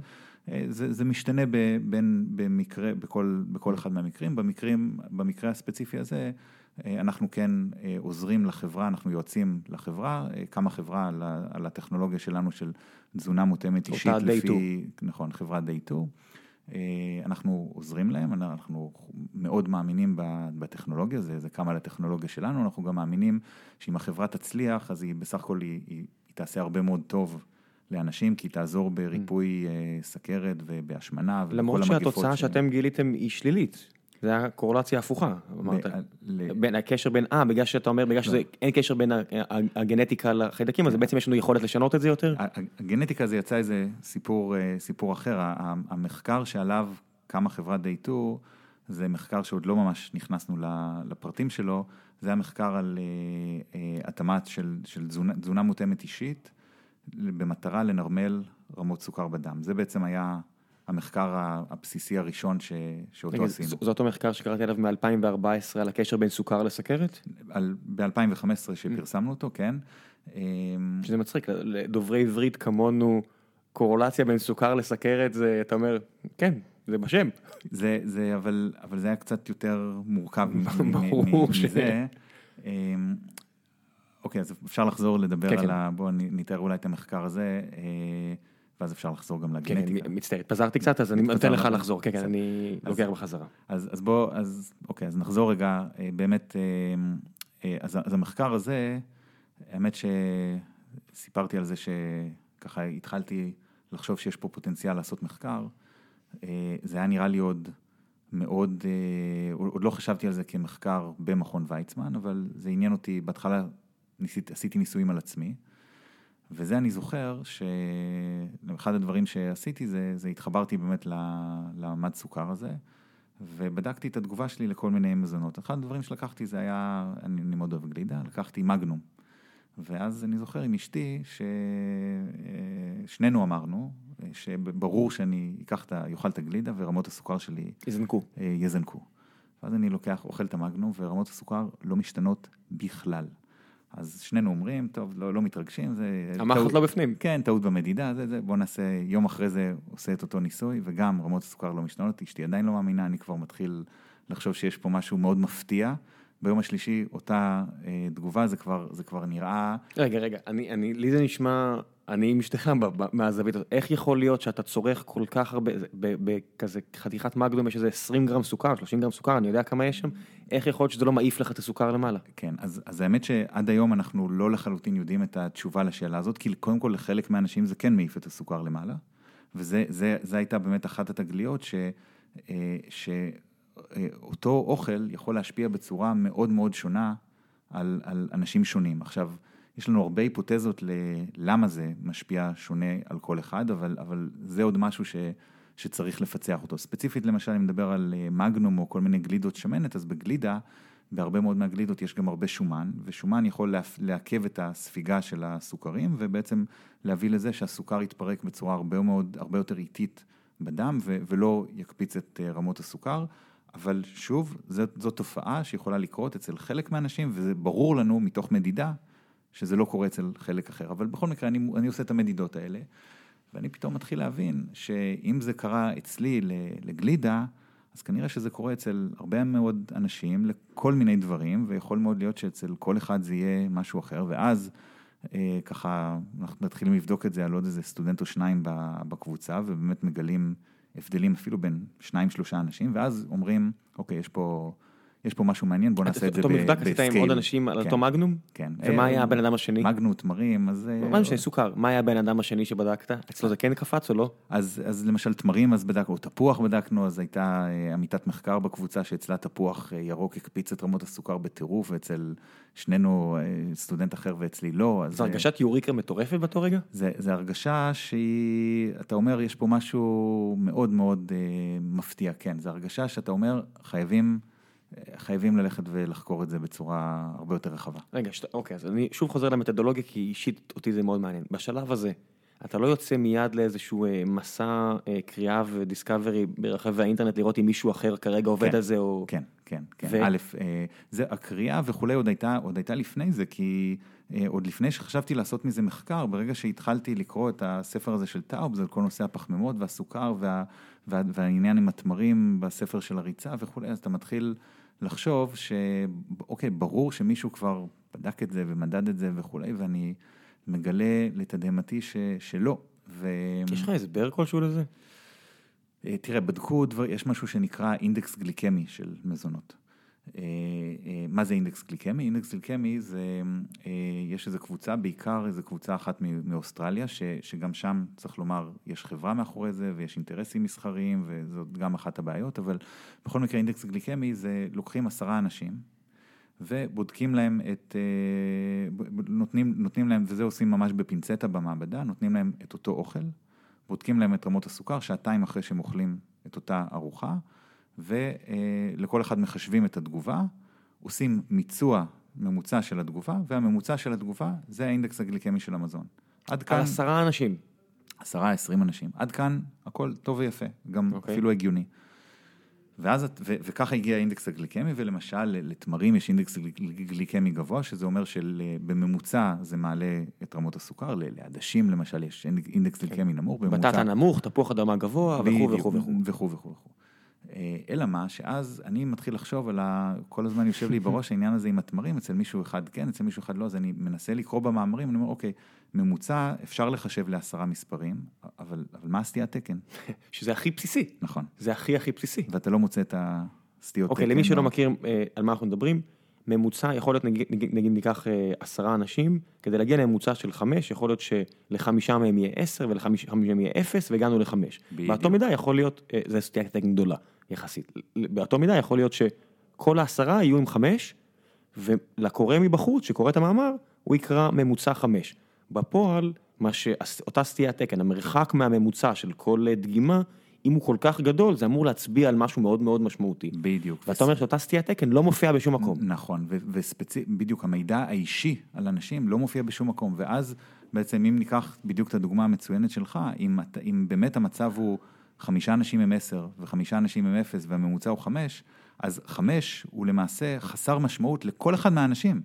גם אם אתה עשר וגם אם אתה אפס, המרחק של הוא... האנשים מהממוצע, כן, הוא, הוא גדול באותה מידה. למישהו אפס, חשוב. לדעת שהוא אפס ולא עשר והפוך. נכון. אז, אה, אה, אז אתה לא מוצא את הנתונים האלה, ואז אתה אומר, ואתה רואה, ואנחנו רואים מהדגימות של שלושה אנשים אפילו, שיש פה הבדלים, אתה אומר, יש פה משהו מעניין ש, שצריך לחקור אותו, יכול מאוד להיות. שהתגובה של אנשים למזונות היא מאוד מאוד אה, אישית ושונה. עכשיו, פה צריך להגיד גם, אה, אפשר לשאול שאלה לגיטימית בשלב הזה, של להגיד, אוקיי, ו- ולמה זה חשוב בכלל? למה, למה, למה ההבדלים ברמות הסוכר בדם אחרי שאני אוכל, הם, הם דבר שהוא בכלל בעל ערך? מה המשמעות של הסוכר בדם? נכון, או מה המשמעות של הסוכר, או מה המשמעות של, אה, הרי בסופו של דבר, נניח שאני אוכל תמרים ורמות הסוכר עולות מאוד גבוה, אחרי שעתיים הן חוזרות לנורמה ו- וחזרו לנורמה, ומישהו אחר יאכל תמרים, רמות הסוכר לא ישתנו, וגם, וגם הוא אחרי שעתיים יהיה בנורמה, אז שנינו נהיה בנורמה אחרי שעתיים, אז, אז למה זה חשוב אם מישהו אחד עלה ומישהו אחד... אה, שאלה ראויה לכל דבר. שאלה ראויה לכל דבר. ו- ופה באמת אנחנו מתחברים להרבה מאוד אה, אה, מידע ש- של, מהרבה מאוד מחקרים, שאנחנו מבינים, ובגלל זה הלכנו והתמקדנו בלחקור את זה, אנחנו מבינים שרמות הסוכר בדם אחרי שאנחנו אוכלים, הן מאוד מאוד חשובות להרבה מאוד דברים, להשמנה, לסכרת, אה, אנחנו חושבים גם לסרטן, למחלות לב, להרבה מאוד okay, דברים אוקיי, כאלה. ציינת פה כמה דברים. אז בואו בוא אפילו רמת, נפרק אותם. אז רגע, לפני שאתה מפרק, מה רמת הוודאות שלך לגבי כל אחד מהנקודות שציינת? השמנה וסכרת חד משמעי. חד משמעי זה, חד אתה נופל מהכיסא אם מישהו מוכיח אחרת? אוקיי. כן, כי אנחנו מבינים, שם אנחנו מבינים את המנגנונים, אה, בואו נדבר על זה. וזה כשאנחנו... נכון לכולם? השמנה וסכרת, אה, סוכר גבוה בדם? אמ, סוכר גבוה בדם, אני חושב שזה לרוב המוחלט של האנשים, זה בהחלט יהיה, כי אנחנו מבינים את המנגנונים שבעצם כשרמות הסוכר שלי בדם הן גבוהות, דיברנו על זה קודם, הגוף מפריש אינסולין.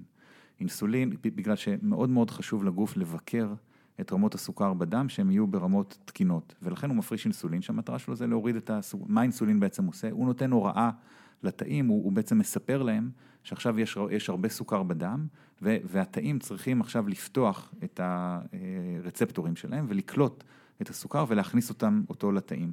עד כאן הכל טוב, רמות הסוכר בדם חוזרות אה, לנור, לנורמה. אבל מה?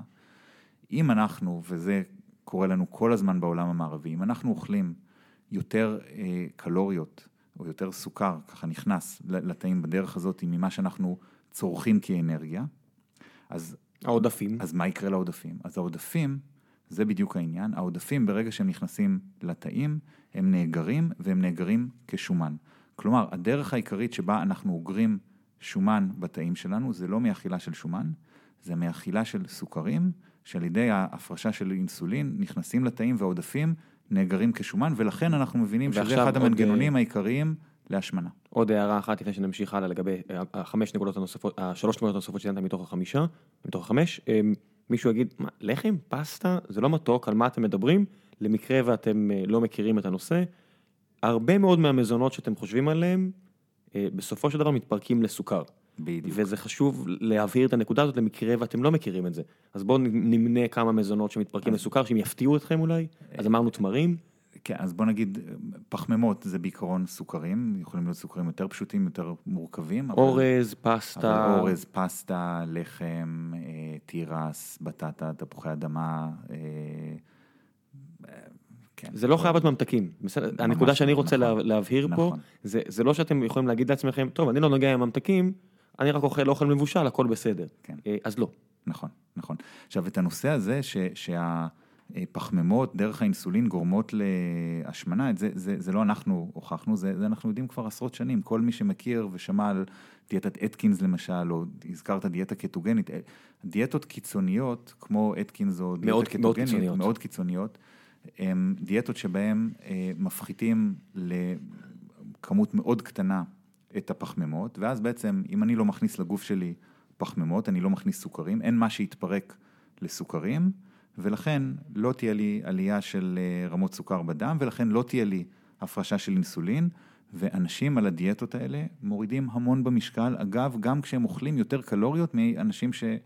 אה, אוכלים דיאטות עם פחות קלוריות, שוב, זה לא נכון לכולם, זה נכון, נכון מאוד, זה נכון. מתקשר לנושא שאנחנו מדברים עליו, זה לא לכולם, זה לא לכולם, בדיוק. אבל אני רוצה להחזיר אותך, אה, אז אמרנו אה, השמנה וסכרת, נכון, קורולציה, כן, מבחינתך אתה נופל מהכיסא אם זה לא קשור לסוכר בדם? זה יותר מקורלציה, שם אנחנו אומרים יש קשר סיבתי.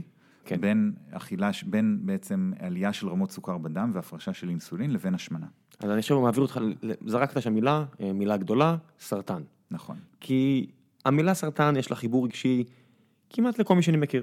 אף אחד כמעט לא מכיר אדם שלא אה, הלך לעולמו בגלל סרטן, המחלה, כל מיני שמות שמצמידים למשפחת המחלות הזו שנקראת סרטן, ופחות או יותר כל דבר היום נמצא באיזושהי קורולציה לסרטן. אתה מדבר בטלפון, סרטן, אתה אה, אסבסטס, סרטן, אה, תזונה סרטן, מתח סרטן, הכל סרטן, סרטן, סרטן, סרטן. סרטן. והנה אתה אומר, סוכר בדם, סרטן. רגע, אז, אז, אז בוא נהיה, אז בשלב הזה בוא נהיה באמת... ספקנים. יותר זהירים. כן. בוא נאמר בזהירות את מה שאנחנו יודעים, ונאמר גם את מה שאנחנו לא יודעים. אז בהקשר של השמנה וסכרת, שם אנחנו, אנחנו יודעים גם את הקשר כן. הסיבתי, כי אנחנו גם מבינים את המנגנון. בהקשר של למשל מחלות לב ו... ואלצהיימר וסרטן ו... ועוד שורה ארוכה של מחלות, שמה מה שאנחנו יודעים, אנחנו יודעים על קשרים מאוד מאוד חזקים, אבל קשרים של קורלציה, קשרים שאנחנו יודעים אותם ממחקרים אפידמיולוגיים. מה זאת אומרת? זאת אומרת שנגיד עשו מחקר אפילו על מחקרים אפידמיולוגיים, היתרון שלהם זה שאפשר לעשות אותם על אוכלוסיות מאוד מאוד גדולות.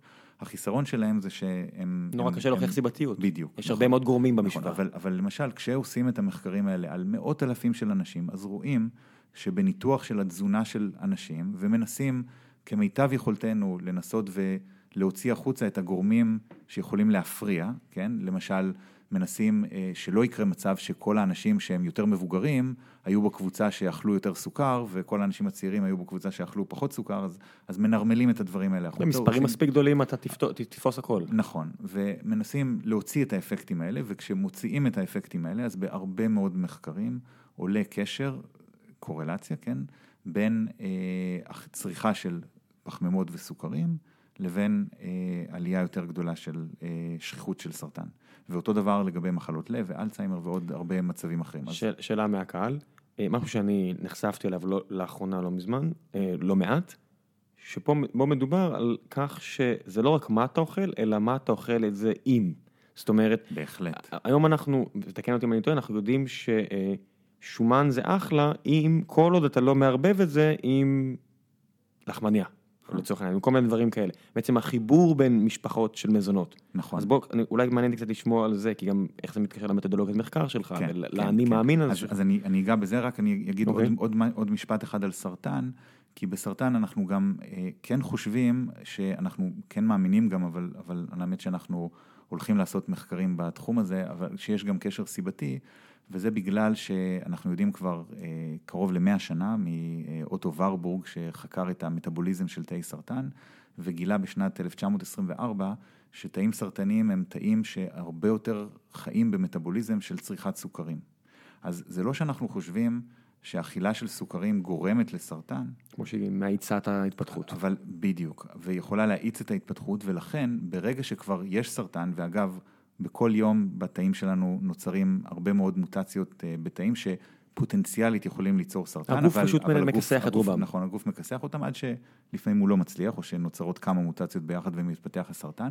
אז זה, זה תהליך שהוא לא קשור לה, לאכילה שלנו וכולי. אבל, אולי כן. אולי כן, אבל לפחות לא שאנחנו חושבים באופן ישיר על הסוכר, אבל ברגע שמתחיל להתפתח סרטן, אז אם באמת הסרטן, תאי הסרטן נדרשים הרבה יותר למטאבוליזם של סוכר, אז אם אנחנו נמנע מהם את הסוכר, אז אנחנו יכולים באופן דיפרנציאלי להאיט את הגידול שלהם ביחס לגידול של תאים אחרים, ויכול להיות שעל ידי זה אנחנו, זה לא שזה ריפוי, אבל אולי נאט בצורה מאוד משמעותית, ובמילים אחרות נרעיב הרבה יותר את הסרטן, עד למצב שבו נוכל אולי לשלוט בו יותר בעזרת תזונה. זאת היפותזה, אה, זאת היפותזה, היא, היא, לנו היא נראית מאוד הגיונית, ולכן אנחנו עומדים להתחיל מחקרים שקושרים בין תזונה לבין סרטן. אני גם מכיר אדם. שטוען לפחות על גבי עצמו, אני לא אציין את שמו כי אה, זה, זה פרטי מן הסתם, אה, הוא חלה, או לפחות התבשר לו שהוא חולה בזאבת, בלופס. והוא חוקר מטבעו, ואדם מאוד סקרן ומאוד אה, יסודי, והוא הגיע למסקנה שהרפואה הקונבנציונלית, שהוא מנסה פה מירכאות, לא, לא בהחלט משרתת אותו, והיה לו אפשרות להגיע לרופאים הכי טובים שיש, והוא הלך לאפיק של תזונה. והוא אמר, אם זה נכון על סרטן, מה שאמרת עכשיו, אולי זה נכון על עוד מקרים, בהחלט. והוא שינה את התזונה שלו בצורה קיצונית. הוא, הוא, ואני מספר רק את המקרה שלו, אני יודע, הרבה פעמים, אתה יודע, אני תמיד אומר פה, וגם בפודקאסט אני אומר שאנקדוטה זה לא צורת היחיד של מידע, כן. יש חוקרים כמוך שיבדקו את הדברים האלה, אבל הוא ספציפית כמעט הרעיב את עצמו.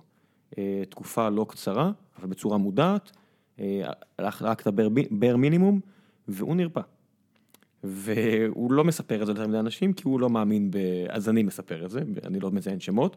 אה, הוא רק, הוא מאוד מאמין עכשיו בחיבור הזה בין תזונה לבין מחלות, ומה שאתה מספר על סרטן מאוד יכול להיות שהוא לא רק לסרטן. אני משוכנע שהוא לא רק לסרטן. הרבה דברים אוטואימיוניים הם כנראה גם נכון. קשורים לתזונה. מאוד, מאוד יכול להיות. אנחנו לא יודעים את זה בוודאות, כמו שאתה אומר, אנחנו נכון. מאוד זהירים פה, נכון. אבל יש סיבה, יש סיבה להאמין, מה שנקרא. נכון, נכון. צריך לומר שאתה יודע, אם אתה חושב על זה, סך הכל, תחשוב על החיים שלנו, אנחנו כל יום, מה שאנחנו מכניסים לגוף שלנו, זה דבר שהוא, זה מאוד הגיוני שהוא יהיה לו השפעה אדירה. You are what you עלינו. eat. כן, בין, כן. כל, כל, אנחנו, החומר היחידי שמאפשר לנו לבנות תאים, זה המזון שאנחנו אוכלים, אין לנו שום דלק אה, אחר. נכון. המ- המדהים הוא שבכל אה, נושא המחקר, זה, זה כמו שמזה התחלנו, שמחקרים בתחום התזונה הם מחקרים די דלים ו, ולא מאוד טובים, די מדהים שנושא כזה, שהוא מאוד מרכזי ומשפיע על הבריאות שלנו, זה נושא שאנחנו אה, לא מאוד חוקרים אותו באקדמיה, ואחת הסיבות, אני חושב, זה כי חזרנו לאינטרסים כלכליים וכולי, זה כי, כי אין בזה כסף, כי אם בסוף אני אגיד לך שלאכול ברוקולי יכול מאוד לעזור לסרטן שלך, אז, אז אין חברת תרופות שיכולה לעשות מזה זה, כסף. זה, בסוף. זה נכון רק לכיוון אחד, כי כשעשו את המחקרים האלה בשנות ה-60 וה-50 ותחילת שנות ה-70, שאמרו ששומן זה מזיק, הרי שומן מגיע ממקורות שקצת קשה להרוויח עליהם, או לפחות קשה לעשות עליהם IP. אבל כשאתה עושה דברים עם אה, אה, חומרי טעם וריח וסוכר, אז פתאום נסטלה והרבה תאגידי ענק, ענק, ענק בינלאומיים, נורא קל להם למכור לך דגני בוקר, ונורא קל להם לשכנע אותך שזה בריאות להביא לילד שלך חטיף גם, אנרגיה. זה גם הרבה יותר טעים. צריך לומר שאנחנו... אובייקטיבית, נכון. לרוב המוחלט של אנשים זה יותר טעים, כן, כן לא לכולם, וזה, אבל... וזה גם, הרבה חושבים שזה מסיבות היסטוריות ומסיבות אבולוציוניות, כי כשאנחנו סוכר היינו... סוכר היה נדיר. נכון, בדיוק, סוכר, נכון, קודם כל סוכר, אנחנו רק... לפני בערך 200 שנה התחלנו להפיק אותו. עד אז הוא היה רק נמצא באופן טבעי איפה שהוא נמצא. עכשיו, סוכר, צריך להגיד, אם אתה אוכל תפוח שיש בו לא מעט אה, סוכר, אבל אתה אוכל תפוח, אתה מקבל גם את כל הסיבים התזונתיים ואת כל הוויטמינים והנוטריאנטים שיש ל... בעצם כל דבר שאתה אוכל שיש בו סוכר, פירות שיש בהם הרבה סוכר, אתה מקבל עוד הרבה הרבה מאוד אה, חומרי נוגדי חמצון ו- ו- וכל הנוטריאנטים וכולי, אז, אז אתה ביחד עם זה מקבל הרבה דברים, אבל, אבל ברגע שהתחלנו להפיק סוכר ואנחנו, זה בעצם קלוריות שהן ריקות לחלוטין. ויכולות לגרום לכל הנזקים ש, שדיברנו עליהם קודם, זה, אה, אבל באמת מבחינה אבולוציונית, בגלל שזה היה משהו שהיה יחסית נדיר, אה, אז אחת המחשבות היא שאנחנו למדנו, פיתחנו בעצם, אה, אנחנו, אנחנו אוהבים, זה מאוד טעים לנו. אנחנו יודעים לזהות סוכר והטבע בעצם מצ'פר אותנו בתחושה טובה, כי זה נורא חשוב, המוח שלנו צריך את זה, שלא תצאו פה מתחושה שתתרחקו מ-100% סוכר, כי נכון. זה מוות. כמו, ש, כמו שמשומן אי אפשר לחיות, נכון? צריך מעט. סוכר לכל הפחות, לא? אה, או שלא? לא, לא בהכרח, או, לא, אוקיי. לא, אני לא חושב שבהכרח, זה, תראה, היום מאוד מאוד קשה באופן, פרקטי, מאוד מאוד קשה לאנשים לאכול תזונה שהיא קטוגנית למשל, או תזונה שהיא מאוד מאוד אה, שרק דלה, בשר. שהיא, כן, שהיא רק, אני לא חושב שיש פה בעיות אה, בריאותיות לרוב mm. האנשים, ודווקא הרבה מאוד מחקרים שישבו אה, בין דיאטות שהן אה, אה, דלות שומן או, או, ודיאטות אחרות, אז גילו שדיאטות שהן מאוד עתירות בשומנים, דיאטות שמשיגות גם הרבה מאוד שיפורים בהרבה מדדים קליניים גם. אבל, אבל מאוד מאוד קשה בעולם המערבי לעקוב אחריהם, אפילו אפשר לומר שהרבה אנשים, אם יעקבו אחרי דיאטות כאלה, הם יהיו, הם יהיו בדיכאון גם ויהיו אומללים, זה, וזה גם כמובן דבר שהוא מאוד חשוב. כן, אבל יש גם את העניין הזה של... זה טרנזיאנטי, אתה יודע, זה, אם אתה מפסיק סוכר, כמו כל התמכרות אחרת, יש תקופה שבה המצב משתפר, נכון. אתה יודע. מה שאמרת על זה יותר טעים, לא יודע, יש, אני למשל נורא נהנה מאוכל אה, מאוד שמן, אבוקדו כן. ובשר מאוד שמן, זה מאוד מאוד טעים לי. נכון. אבל זה, זה משהו שלא היה לי, אבל זה משהו שלא היה לי לפני כן. טעם זה גם משהו שמשתנה הרי. גם נכון, נכון. נכון, אבל... אמ, כן. אז איפה זה שם אותך עכשיו? איפה, מה, מה, איפה אתם נמצאים עכשיו מבחינת המחקר שלכם? אה, אוקיי, אז את המחקר הזה עשינו, אז, אז שם עשינו אה, אה, אלף אנשים, ו, ובאמת אחת התגליות המרעישות הייתה שתזונה היא שונה מאדם לאדם, ופה נכנסנו גם, ניסינו לשאול למה זה שונה מאדם לאדם, והאם אנחנו יכולים בעצם להבין את זה, או גם אם לא להבין את זה בשלב הזה ברמה מנגנונית, לנסות לפחות אה, להבין את זה ברמה של קורלציה, כי גם ברמה של קורלציה יש לזה הרבה מאוד ערך, כי אז אפשר בעצם לפתח אלגוריתמים, שזאת הייתה המחשבה, של לפתח אלגוריתם שמתוך אוסף של נתונים, יוכל לנבא איך אתה באופן אישי תגיב לכל מזון ומזון. ולכן במחקר, על, לא רק מדדנו את uh, תגובת הסוכר של אלף אנשים, אלא בנוסף לזה אספנו עוד הרבה מאוד פרמטרים על אנשים, כדי שתהיה לנו את ההזדמנות לראות אם אנחנו יכולים למצוא כל מיני מאפיינים של אנשים שיהיו בקורלציה ל... ויסבירו לנו איך הם מגיבים לכל מזון ומזון. אז המשתנים שאספנו היו הרבה משתנים של, משתנים בשאלונים, אנשים מילאו שאלון אה, בריאות ושאלון הרגלי תזונה, אה, ומדדנו כל מיני פרמטרים, גובה, משקל, היקפים וכולי, אבל חוץ מזה מדדנו את אוכלוסיית החיידקים של אנשים, אה, וזה כי בעצם כשהתחלנו את המחקר, אה, התחלנו אותו אה, כמה שנים אחרי שכל נושא החיידקים התחיל אה, להתפתח כתחום, ואני גם התחלתי, התחלתי לקרוא על זה, והמחקרים הראשונים היו, היו מאלפים. אתה קורא מחקרים שבהם בעצם מראים לך שיכולים לקחת שני תאומים זהים, ושאחד שמן ואחד רזה. ולקחת את אוכלוסיית החיידקים שלהם. טוב, אם זהים זה אומר גנטיקה... זה גנטיקה, בדיוק, גנטיקה זהה, לצורך זה המאה אחוז גנים זהים. כמעט מאה אחוז גנים זהים, נכון, כן. חוץ, כן, בגדול כן. כמה מוטציות. נכון. ו, אה, ולוקחים אחד שהוא במקרה שמן ואחד שהוא במקרה רזה, ולוקחים את אוכלוסיית החיידקים שלהם, משתילים בעכברים, ואתה מצליח להעביר את ה... נטייה להשמנה. את ה... בדיוק, אתה מצליח להראות שאתה לוקח את החיידקים מהתהום השמן ואתה גורם לעכבר להיות שמן. אז אנחנו מדברים פה בעצם על, על השתלת צואה. נכון, אה, במקרה הזה זה השתלת צואה מאנשים לעכברים. זה מאמרים שאני מתחיל השתלת לקרוא. צואה, אתם פשוט שמים צואה בתוך המעי? אה, אפשר לעשות את זה בכל מיני דרכים, לעכברים מכניסים את זה ככה מלמעלה. דרך הוושט? כן, נכון. ואז, אה, פשוט מגיע לקיבה והחיידקים מוצאים את מקומם. אה, כן. כן, אוקיי.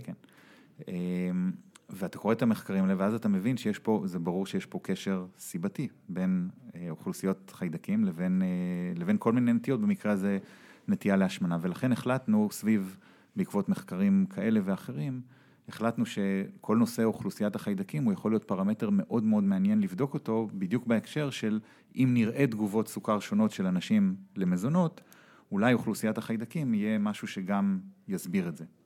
אז אספנו את כל המשתנים האלה, ופה נכנס באמת החלק החישובי והחלק של ה-machine learning שאנחנו עושים הרבה במעבדה, ואיבדנו את כל הנתונים האלה מאלף אנשים, הרבה פרמטרים, ובאמת הצלחנו לפתח אלגוריתם שחזה בצורה מאוד מדויקת את תגובת הסוכר האישית של כל אחד ואחד לבעצם כל ארוחה שהיא. כי לקחנו כל ארוחה ופירקנו אותה בעצם לאוסף הפחמימות, חלבונים, שומנים ועוד מיקרונוטריאנטים שלה. יש עוד? זה לא רק השלוש- שלושת אלה? זה המקרונוטריאנטים, אבל אה. מבחינת המיקרונוטריאנטים זה כל הוויטמינים, אוקיי, מינרלים אוקיי. וכולי. אז אתה לוקח את כל הוקטור הגדול הזה של אה, נתונים, ואתה, ו, ופיתחנו אלגוריתם שמתוך הוקטור הזה, פלוס עוד משתנים שמגיעים מאוכלוסיית החיידקים של אנשים, ועוד מהשאלונים וכולי, מצליח לחזות בצורה מאוד מדויקת את התגובת סוכר של אנשים. והשלב האחרון שעשינו באותו מחקר היה אה, באמת לקחת אנשים שלא השתתפו במחקר, להתאים להם בעזרת האלגוריתם תזונה. לראות אם המודל עובד. ולראות אם המודל עובד בפועל, ובאמת הצלחנו להראות של אנשים שהסוכר שלהם לא מאוזן, למשל אנשים עם טרום סכרת, הצלחנו על ידי אה, תזונה שבחלק מהמקרים נתנו לאנשים לאכול גלידה, נתנו לאנשים לאכול שוקולד בחלק מהמקרים, והצלחנו לאזן להם למרות זאת את רמות הסוכר כמעט לחלוטין לאנשים שהם, שהם לא מאוזנים, שהם עם רמות סוכר של, אה, של טרום סכרת. אז, אז זה היה המחקר שפרסמנו ב-2015. כשאתה עושה מחקר כזה, אה, יש לך פתאום מחשבות על כך ש... ויסלחו לי על השפה, אבל שעתיד המין האנושי עובר דרך השתלות קקי? אה, אתה, אתה לא מרגיש שאתה נמצא פה על איזשהו סף של אה, שינוי פרדיגמה? אז, אז אני חושב שהיום זה, זה, אנחנו מבינים שזה יהיה יותר מורכב מזה, כי אה, למה, שהחיידקים- אבל אם עכבר, אה, אה, כי עכבר זה לא בן אדם? אה, גם כי עכבר זה לא בן אדם, וגם, אם, אה, וגם כי היום אנ- אנחנו יודעים שיש לנו אוכלוסיית אה, חיידקים מאוד מאוד אה, מורכבת אצל כל אחד, היא מורכבת ממאות מינים של חיידקים שונים. היא התעצבה אצל כל אחד מאיתנו לאורך כל החיים שלנו, היא, היא מתעצבת מאוד בשנים הראשונות, ואחר כך צריך לומר שהיא, שהיא נשארת די יציבה. אנחנו מדברים כל הזמן על זה שאנחנו יכולים לשנות את, האוכ- את האוכלוסייה, אבל, אבל צריך לקרות משהו יחסית קיצוני כדי שהאוכלוסייה תשתנה. בסך הכל היא מאוד יציבה אצל אנשים, היא אומר- ניתנת לשינוי, אבל היא מאוד יציבה, ולכן כן. אצל בן אדם ככה בריא, השתלת אה, חיידקים לאו דווקא גורמת אצל כל אחד לשינוי משמעותי אז, אז, אז באוכלוסייה. יש פה איזשהו פיל בחדר ש... שצריך להתייחס אליו. כשאתה אומר מתעצב בשנים הראשונות, מה משפיע בשנים, יש לך, אתה יודע, יש, יש כל מיני דברים נורא נורא גדולים שקשורים. אז הנקה נראה לי, בעיקר נכון. בגלל שלתינוק אין, לכל תינוק אנושי אין מערכת חיסונית, והוא מקבל בעצם את החיידקים, נכון, אגב- שליש מכל אגב, חלב אה, אם זה חיידקים, לא? אז, אז אה, גם חיידקים, אבל גם אנחנו יודעים היום שיש אה, יש פר, פרביוטיקה, פרביוטיקה זה, זה בעצם חומרים, לא פרו. לא, נכון, אני אומר לא הפרוביוטיקה, הפרביוטיקה זה בעצם האוכל של החיידקים. אז יש בחלב אם, ישנם כל מיני פוליסחרידים, ישנם כל מיני אה, מולקולות שאנחנו לא מעכלים אותם, והן פשוט עוברות, דרך, הן עוברות אצל התינוק, דרך אה, מערכת העיכול, ושם הן פוגשות את האוכלוסייה של החיידקים, וזה אוכל לחיידקים. כלומר, בחלב אם, תחשוב על זה באופן אבולוציוני, אנחנו בעצם היום אנחנו חושבים על האבולוציה שלנו לא כאבולוציה שלנו לבד, אלא מאז החיידקים היו פה לפנינו, יהיו פה אחרינו. היו פה אחרינו, בדיוק. ו, אמ, ו, ולכן אנחנו חושבים על זה שמאז ומעולם אנחנו התפתחנו באופן סימביוטי יחד עם אוכלוסיית החיידקים. כן. מי אוכלו- ישתמש במי? זה, זה נכון, זו שאלה טובה. אה, היות והם יהיו פה אחרינו, הם משגשגים, כן. כן, כן, אנחנו, הם מצאו דרך מקום להשתמש- גידול מעולה ל- לחיידקים. אבל הם היו צריכים להביא ערך כדי שהאבולוציה תצ'פר אותם כדי שהם יישארו שם. נכון, יש פה איזשהו אה, מערכת יחסים. לחלוטין. כן. אז, אז בעצם יש לך, המ- המדע היום יודע להגיד מה גורם להתפתחות אותה מש- אה, אוכלוסיית חיידקים זה- בשנים זה- הראשונות? אז, אז זה נושא מאוד מעניין, גם אנחנו חוקרים אותו. אמ, אנחנו יודעים כיוונים, אבל לא, אנחנו עוד לא מספיק אה, איך חוקרים דבר כזה? צריך לבוא לתינוקות ולבדוק להם מה? נכון, אז למשל, יש לנו מחקר שהולך להתחיל אה, בקרוב על, אה, על פגים, כי לפגים, לפחות באופן אפידמיולוגי, אנחנו יודעים שפגים הם אחרי זה אה, בגורם, אה, יש להם אה, סיכון מוגבר לפתח הרבה מאוד מחלות שונות, אחר כך גם בילדות וגם? בגילים יותר מבוגרים. גם מחלות התפתחותיות שונות כאלה ואחרות, מחלות מטבוליות, אה, אה, מ- מגוון של, להרבה מאוד מחלות, פגים הם בסיכון מוגבר לפתח אותם. לנו יש היפותזה, התחום הזה כמעט ולא נחקר, שיכול להיות שזה קשור לזה שכל מערכת החיידקים שלהם לא מתפתחת אה, בצורה טבעית. אה, אם אתה חושב על פגים שגם בשבועות הראשונים מבלים את החיים שלהם בבית חולים, הם לא- מבודד נכון, וסטרילי ונקי. בדיוק, אז הם, אז הם לא נחשפים לכל אותם אה, דברים שתינוק אה, שנולד רגיל נחשף אליו, ויכול להיות שמערכת החיסון שלהם לא מתפתחת באותה צורה, והחיידקים שלהם אה, לא מתפתחים, זאת אומרת, מערכת החיסון לא מתפתחת גם בגלל שהם לא נחשפים וגם בגלל שלא, שהם לא נדבקים בכל מיני חיידקים. אז יש לנו היפותזה, זאת היפותזה, ואולי בעוד כמה שנים אם כן. ניפגש אני אוכל לספר לך מה גילינו, אבל אנחנו הולכים להתחיל מחקר שיעקוב, אחרי- שאלת איך עושים את זה, אז, אז אה, אה, מגייסים אה, אה, פגים למחקר, מתחילים למדוד להם את אוכלוסיות החיידקים, נגיד בשנה הראשונה של החיים, לצד זה מתעדים... זאת אומרת שאתה לוקח אה, דגימות קקי? דגימות צואה? סליחה נכון. על המילה. כן, כן, זה אנחנו עושים הרבה במעבדה, זה- צריך אישור של ההורים? כמובן. באמת? כמובן, אפילו ב- בשביל לבדוק צואה? ברור. כל, כל מחקר, דיברנו על זה קודם, כל מחקר בבני אדם, כל מחקר, גם אם אפילו אתה עושה מחקר של שאלונים, אתה רוצה רק לשאול מישהו אה, לא, כמה שאלות, לשאול כל אני- מחקר בבני אדם טוב, הוא צריך לנדב לך את הצואה בעצם, זה שלו עד שהוא הוא יכול לבחור. לא, כן. בכלל, השתתפות במחקר זה דבר שצריך אה, הסכמה מדעת, אם מישהו מתחת לגיל 18 צריך הסכמה מדעת של ההורים למחקר. איך אתה משכנע. הורה אה, להשתת- לקחת את הפג שגם ככה אתה יודע, זה כל כך הרבה לחץ ו... ו- אז, אז קודם כל אני מניח שלא כולם יסכימו להשתתף בוודאי שלא, במחקר, כן. וזה לגיטימי ובסדר גמור, אבל, אבל אתה יודע, חלק מ... סך הכל הרבה מהאנשים הם אנשים שרוצים לקדם הבנה ולקדם, בייחוד אם למישהו יש אה, ילד שהוא פג שיכול להיות בגורם סיכון כזה או אחר, אז אה, יכול להיות שהוא, אומרת, זה, זה לא, אה, בייחוד אם אתה עושה ניסוי שהוא לא התערבותי ולא משפיע על מהלך החיים של התינוק, וזה רק יכול לעזור למחקר, אז יהיו הרבה ש... מה לא לגבי יתנגדו. סטריליות מוגברת? הרי היום זו התקופה הכי נקייה במערב לפחות עבור חלק מההורים בהיסטוריה האנושית. נכון, אז זאת נקודה מעולה, ויש אה, הרבה מאוד אה, תיאוריית ההיגיינה שמסתובבת, ש, שאני אישית גם מאמין בה, שבעצם בעולם המערבי, מאז שאנחנו מאוד מאוד סטריליים, זה בעצם דבר שיש לו אפקט שלילי. מרתיחים את הבקבוקים ומרחיקים חיות ו... נכ- נכון, ושוטפים ידיים נקי? אחרי כל דבר וכולי, זאת אומרת, קודם כל זה לא דבר שהיה בהיסטוריה שלנו, ואתה בעצם נחשף להרבה פחות, אה, להרבה פחות דברים, אתה, אתה נחשף, ואז אתה הרבה פחות נותן הזדמנות, סך הכל יש לנו מערכת חיסון, שזה בדיוק התפקיד שלה, התפקיד שלה זה לזהות את ה...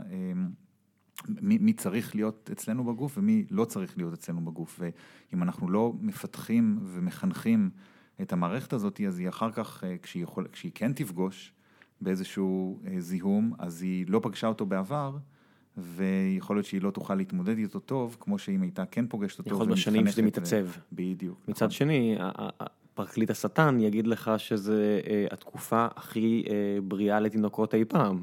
ה- ה- תמותת תינוקות נהייתה כמעט משהו שהוא הוא כל כך טרגי, כי זה כל כך נדיר. כן. בניגוד לתקופות של, אה, בדיוק עכשיו אני קורא ספר על, אה, שהוא לקח מחקרים של משפחות בבריטניה במאה ה-17, 18, 16, מסתכל שם משפחות של 18 ילדים. אה, לאורך השנים, ואחד מגיע לגיל 30, או שניים מגיעים לגיל 30, כן. שאף אחד לא נקשר לילד שלו כי ילדים לא שרדו. כן.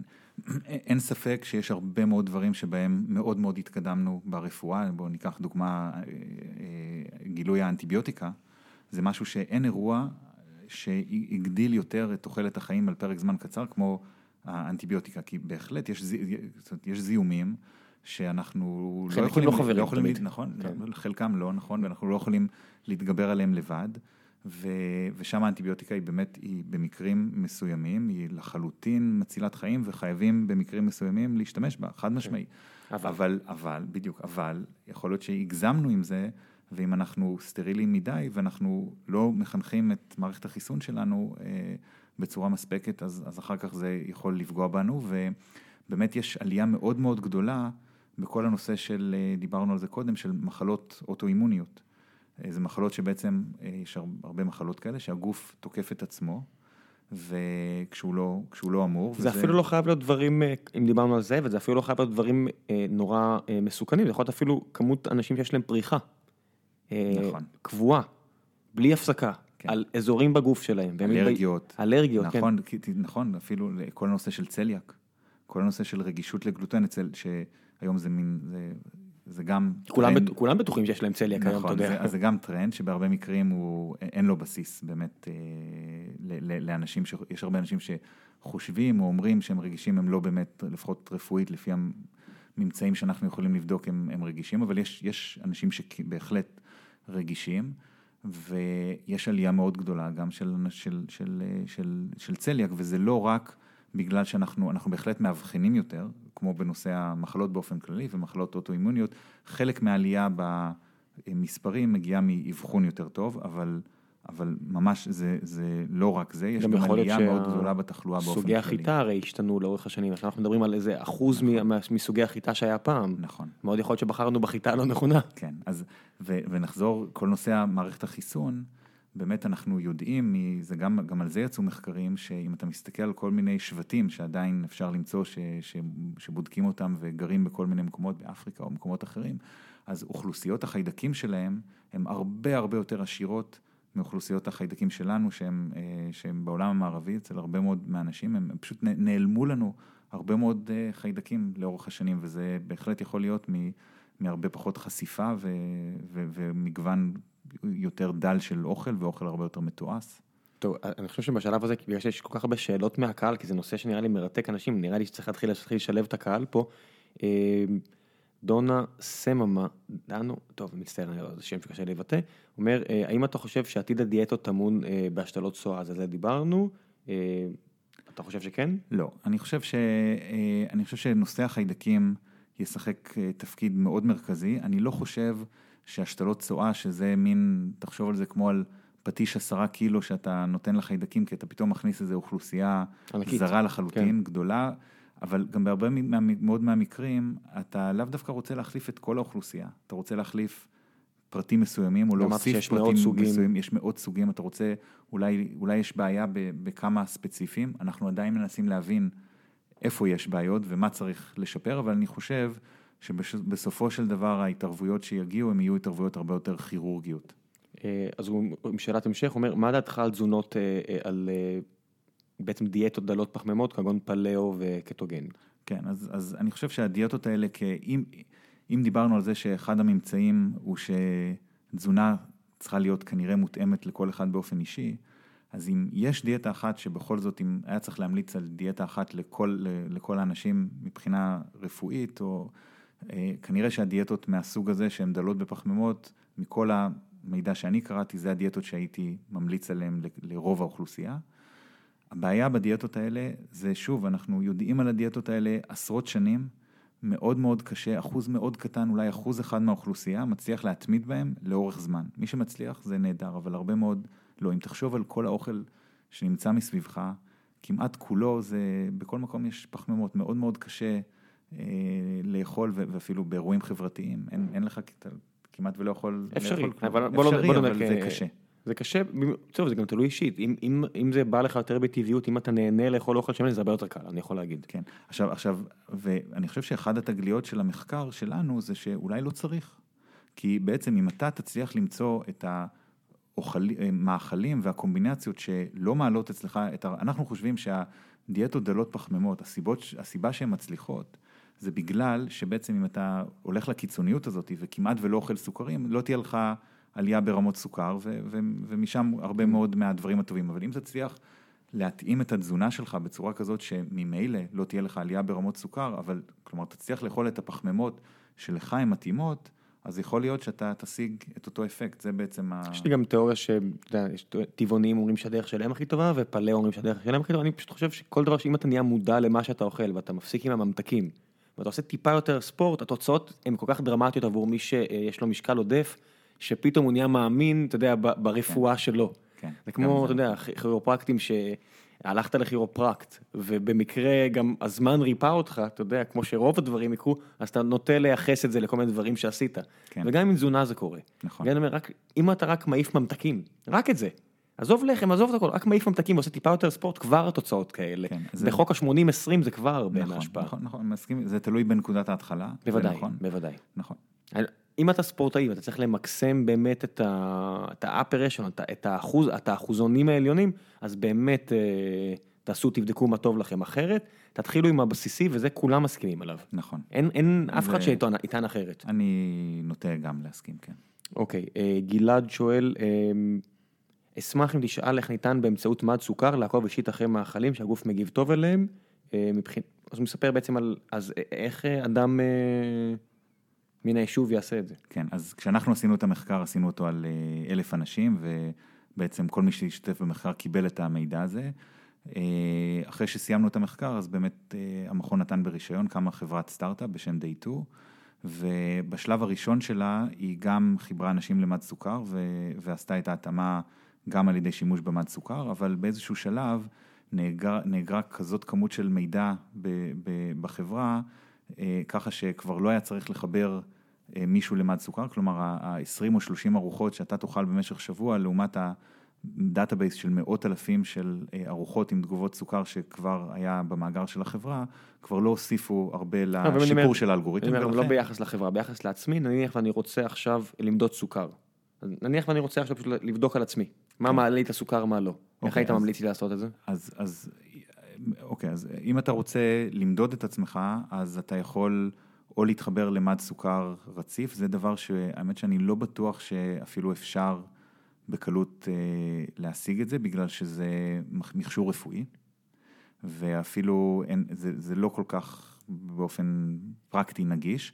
מה שאתה כן יכול לעשות, זה אתה יכול לקנות את המדי סוכר שהם, אה, שצריך לו לדקור. כן, הגיבו לו פה שאלון פדות, אה, חברי יקר ואורח, אמר, אה, אפשר למדוד אה, רמה בדם לפני האוכל ושעה אחרי, ניתן לקנות מד סוכר נכון, ביתי. נכון, אז, אפשר, אז יש מדי סוכר כאלה שהם, זה לא, זה צריך לומר, זה פחות לא, מדויק? זה לא המדים, לא, לא, דווקא אפילו הם יותר מדויקים, אבל זה לא המד הרציף, אתה צריך ממש לעשות דקירה, אתה, אתה דוקר את עצמך, אתה מוציא דם, אתה מודד, לא כזה סיפור, סכרתיים עושים את זה כמה פעמים ביום, באמת לא כזה סיפור, אבל אה, תחשוב כמה פעמים תוכל לעשות את זה, תוכל לעשות את זה לעשר ארוחות, עשרים, שלושים ארוחות, אה, וזה טוב, זאת אומרת, אם, אם תבדוק את עצמך לאוכל שאתה רגיל לאכול, זה יכול לתת לך הרבה מאוד תובנות, אבל היום יש לנו כבר אה, אלגוריתם, שבעצם אה, האלגוריתם על פי הנתונים האישיים שלך, הוא יכול להגיד לך איך אתה תגיב לכל ארוחה שהיא.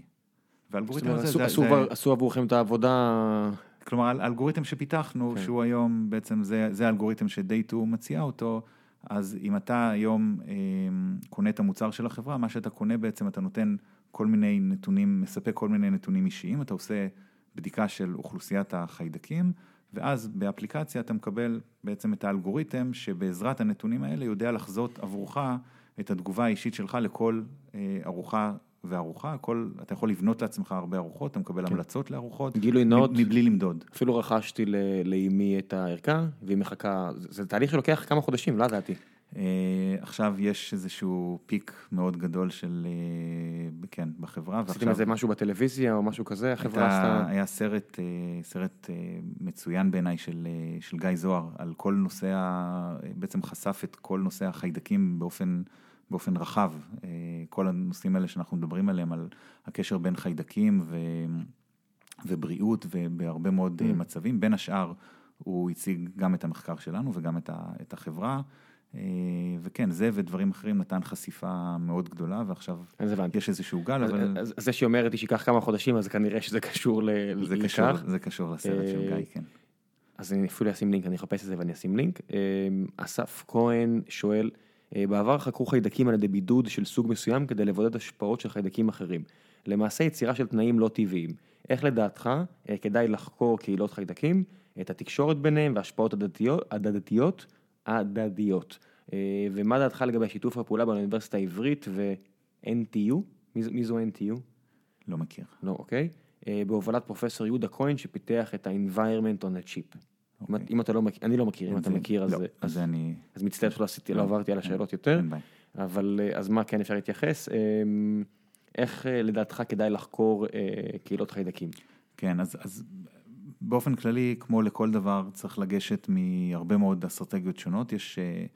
בסופו של דבר אנחנו הכי מתעניינים בלהבין את האוכלוסיית חיידקים שגרה אצלנו, ולכן בשורה ארוכה של מחקרים, עם ובלי התערבויות, לאורך זמן, אנחנו מודדים את האוכלוסיות. המדידה של האוכלוסיות מתבצעת בעיקר על ידי ריצוף גנטי של האוכלוסייה, וככה אנחנו מבינים בעצם איזה חיידקים גרים ביחד עם חיידקים אחרים, ו...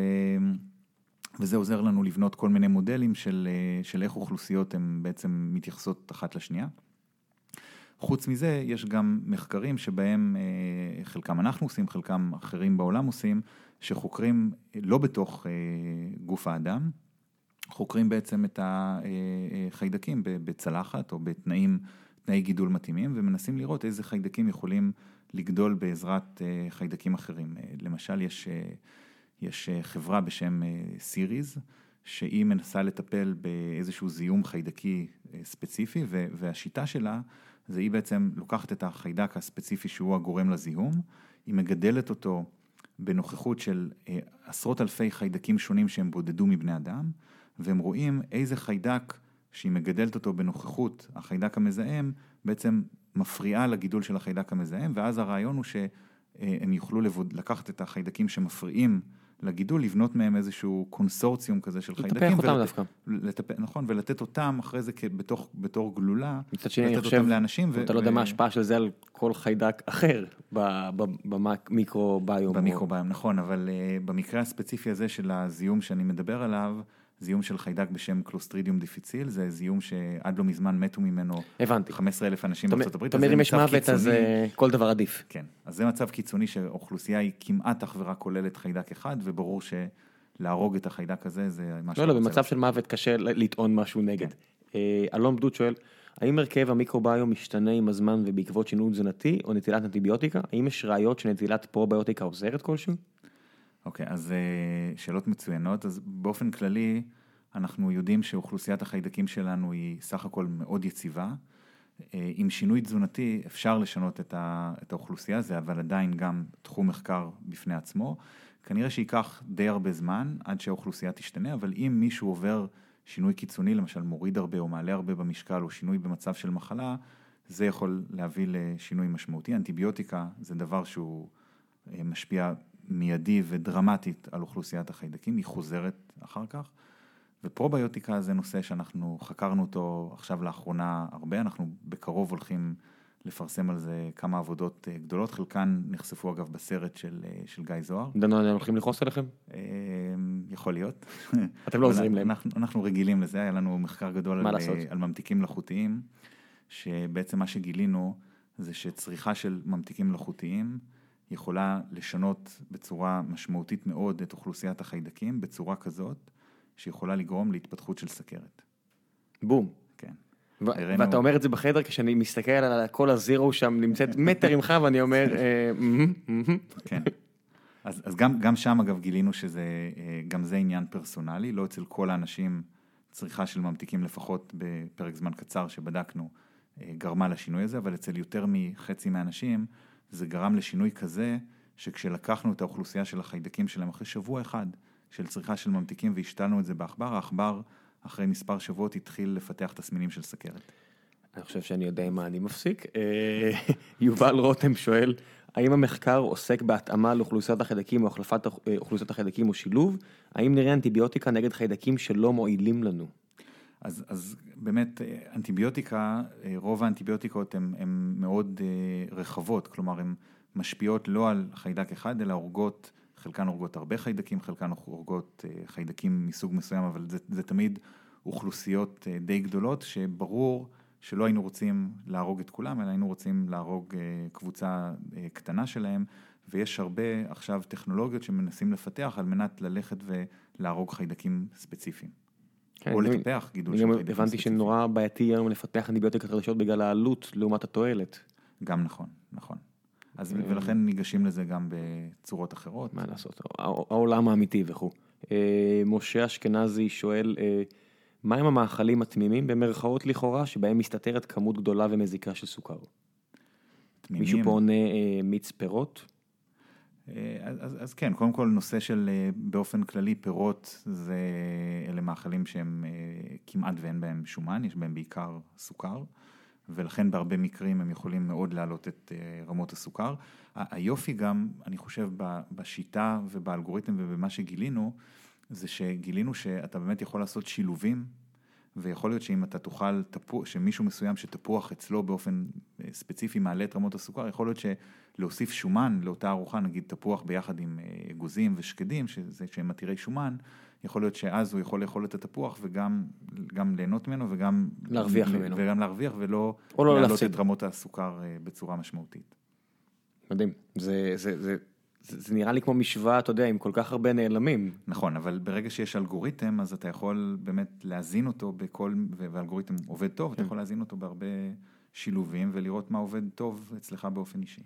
אה, שואלים פה, נדב, אה, נדב מור יוסף וכל מיני חבר'ה פה, הרבה חבר'ה שואלים על תזונה קיטוגנית, אולי תסביר בעצם מה זה אומר, אה, גם דיברנו על זה קצת פה כמה פעמים, המילה קיטוגני. נכון. אז למי שלא מכיר, אז, קיט, הקיטואים הידועים. נכון, אז, אז תזונה קיטוגנית זה, זו, צריך, א', יש לה הרבה מאוד אה, וריאציות שונות, אבל, אבל בגדול זו תזונה שהיא מאוד דלה בפחמימות, אה, אוכלים בעיקר שומנים. אז זה יכול להיות תזונה שאנחנו אוכלים בה בעיקר בשר וגבינות ונגיד אבוקדו וטחינה ואגוזים וביצים, נכון, הרבה מאוד אה, שומן מהחי. סרדינים, כן. נכון, דגים, נכון. אמ, כן, ואז בעצם הגוף עובר לחיות על, אה, על גופים קטונים ופחות... מה זה הקיטונים האלה? אה, זאת, זה, זה, זה, זה, זה גופים, זה לא סוכרים. כשאומר גופים זה חומר אורגני? כן, חומר בדיוק, ו, ואנחנו אה, בעצם עוברים לצרוך, אה, כל האנרגיה שלנו מגיעה הרבה יותר מהגופים האלה ופחות אנחנו חיים על סוכרים בתור מקור של אנרגיה. ומה דעתך על זה? אתה, אתה היית ממליץ לאנשים לנסות את זה? אז, אז שוב, אני חושב שהדיאטות האלה הם, אה, הבעיה העיקרית בהן, אני חושב שיכולות להיות דיאטות מאוד בריאות. אגב, יש מקרים שבהם זה אפילו קו ראשון או קו שני של טיפול בנושא של אפילפסיה אצל ילדים. זה הראו שדיאטה קטוגנית היא, היא דיאטה שהיא ממש אה, אה, מאוד מאוד עוזרת בהפחתה של אירועים אפילפטיים אצל, אצל חולים. ובהרבה מקרים אחרים היא יכולה, בגלל כל הנושא של הסוכרים והפחמימות שדיברנו עליהם, אה, זו דיאטה שיכולה להיות מאוד מאוד טובה, הקושי הגדול שוב זה התמדה. ההתמדה. כן, לבחור אתגר שהוא גדול מדי, יש לזה גם ערך שלילי בעיניי. נכון. חשוב, תבחרו דברים, אה, הצלחה זה משהו שנורא קל להתמיד משהו שאתה מצליח בו. אמ, אני קצת רץ פה על השאלות חבר'ה, אני מצטער אם אה, לא... לא ציינתי אתכם, אלעד אה, שואל, האם ניתן על ידי נתוני דייטו להרכיב תפריטים ארוכי טווח מעבר לארוחה אחת? כן, בעצם אתה, היות והאלגוריתם יודע לחזות עבורך את התגובה שלך למגוון גדול של ארוחות, אז בעצם מה, ש, מה שאנחנו עשינו במחקר וגם החברה עשתה זה בנתה מאגר של אלפי ארוחות שהן ארוחות שמקובל לאכול אותן. וכל אחד בעצם, האלגוריתם פשוט רץ על כל הארוחות האלה ומדרג באופן אישי עבורך את כל הארוחות האלה, ומזה אתה יכול להרכיב תפריט שהוא, שהוא מגוון וארוך טווח, וגם כמו שאמרנו, הוא יכול לכלול הרבה מזונות שאם תאכל אותם לבד, הם, הם לא יהיו טובים, אם תאכל אותם, הוא יציע לך שילובים. שאם אתה תאכל אותם ביחד איתם, הוא, הוא, הם יכולים להיות טובים עבורך. יונתן שואל, אה, האם, הם, האם ניסיתם להפעיל את האלגוריתם שלכם לא רק על תזונה, אלא גם על דברים נוספים, למשל תרופות, או כל חומר אחר שנצרך אוראלית? אה, אז עדיין לא, אבל אנחנו בהחלט חושבים בשורה ארוכה של מחקרים אחרים, על בכלל כל הגישה שהיא גישה שהיא, שנקטנו בה פה, שהיא גישה שהיא מונחית על ידי נתונים. כלומר, אם אנחנו... נאסוף נתונים, ש... אה, נתונים אובייקטיביים, כמו מה בן אדם אכל, או כמו מה שהוא שאל, כמו תרופות שאנשים לוקחים, או בכלל, אם אנחנו, יהיה לנו תיעוד גדול של אורח חיים של בן אדם, ולעומת זאת נוכל למדוד משהו אובייקטיבי, כמו אה, רמות סוכר בדם אחרי ארוחה, אבל, אבל כמו דברים אחרים, כמו, זה יכול להיות אפילו דברים רכים כמו מצב רוח, אבל זה יכול להיות גם דברים יותר מדידים כמו אה, תסמינים במחלות מסוימות. אז אם אנחנו נוכל למדוד את הדברים האלה, אז נוכל לגלות את הקשרים בין אה, אורח חיים, תרופות וכל דבר, ספורט וכל דבר אחר, לבין התגובה שלנו למה שאנחנו רוצים בעצם אה, להביא, להביא אותו לאופטימיזציה. שואלים פה גם נועם, שעל אותו ציינתי, אמרתי שמישהו שעובד פה במשרד ואוכל קיטוגני, אמר, מה דעתך על מחקרים שמראים שאפשר להרעיב תאי סרטן באמצעות תזונה קיטוגנית, אז נתן פה את הדוגמאות של התזונות, אז אתה דיברת בעצם, על זה בדיוק דיברת. נכון. יש פה, אה, טוב, יש פה כל מיני שאלות שכבר התייחסנו אליהן, מצטער שאני רץ חבר'ה באמת. אה, האם מישהו פה שואל משהו על הצד העסקי, האם מכון ויצמן ייהנה או נהנה מהתמלוגים על day אה, 2? כן, אז, אז כמו בשורה, בעצם כשהמכון מעביר טכנולוגיה לחברה, אז יש, יש הסכמים שבהם, כן, המכון גם מקבל איזה שהם זכויות כלכליות במוצרים שיוצאים. אז האקדמיה תרוויח בעצם. נכון, בסופו של דבר, מכון ויצמן, כמו, אף אחד לא לוקח את הכסף הזה הביתה, הכסף הולך ו, ו, ובסופו של דבר עוזר לפתח את המכון ולפתח ולקדם מחקרים חדשים, שבשאיפה גם אה, יביאו טוב לעולם. ירדן שואלת אמ, על הקשר בין סכרת ואירועים מוחיים, וגם השאלה האם סכרת היא תוצאה של אה, נטייה גנטית או פוטנציאל גנטי. אמ, כן, אז, אז בהחלט... השאלה הגדולה. נכון, אז לא, אז בשורה מאוד ארוכה של מחלות, בהחלט גילו קשר בין גנטיקה לבין, לבין המחלות. שוב, זה עניין של נטייה. בדיוק, צריך לומר שזה, בדיוק, זה עניין של נטייה. זה עניין של, יכול להיות שיש לנו פוטנציאל עם הגנטיקה שלנו לפתח מחלה מסוימת, יש לנו יותר פוטנציאל מאשר מישהו אחר, אבל ההשפעה הסביבתית, זה אנחנו מגלים שוב ושוב בכל המחלות, בייחוד באלה שמתפתחות בגילאים מאוחרים. שההשפעה הסביבתית היא מאוד מאוד גדולה ובהרבה מאוד מקרים יכולה להיות הרבה יותר גדולה ובכלל ההשפעות הסביבתיות אנחנו היום כוללים את אוכלוסיית החיידקים בגלל שהמחקר שלנו הוכיח שדווקא החיידקים זה משהו שהוא מושפע מעט מאוד מהגנטיקה שלנו וכמעט לחלוטין מתעצב על ידי הסביבה שלנו. אז ככל שהחיידקים משפיעים על מגוון של מחלות, אז בעצם גם הם אה, יכולים להשפיע, גם, גם אותם אנחנו כוללים בנושא של הסביבה. אוקיי, okay, אז עדי שואלת פה אה, שתי שאלות ונראה לי נסיים עם זה. היא אומרת, אה, עם כמה שהסוכר מזיק, מה לגבי כל שאר היתרונות שיש במזונות שונים? אם למשל התוצאות שלי מעידות על כך שפירות לא טובים לי בכלל, מה עם כל הוויטמינים החיוניים שהם מכילים? אז, אז, זאת, אז זאת נקודה טובה, כמובן שאנחנו רוצים את הוויטמינים האלה. אבל בהרבה מקרים אפשר לקבל אותם בהרבה דרכים אחרות.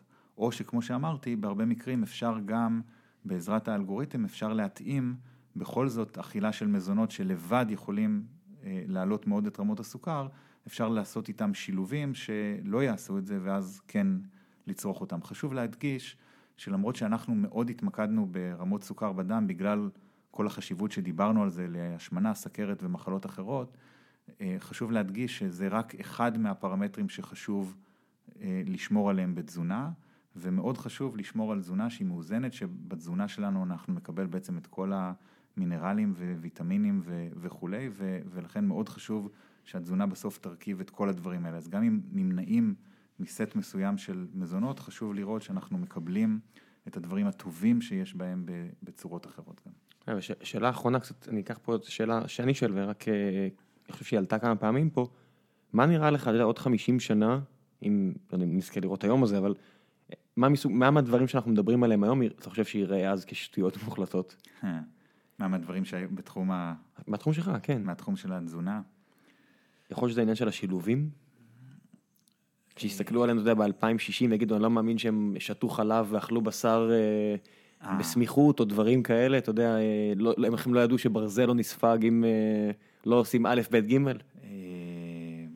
זאת, זאת, שאלה מאוד טובה, האמת שאם הייתי יכול לנבא כן, את זה. אז בוודאי, זה לא- סתם כן, תחושת בטן שלך, כן.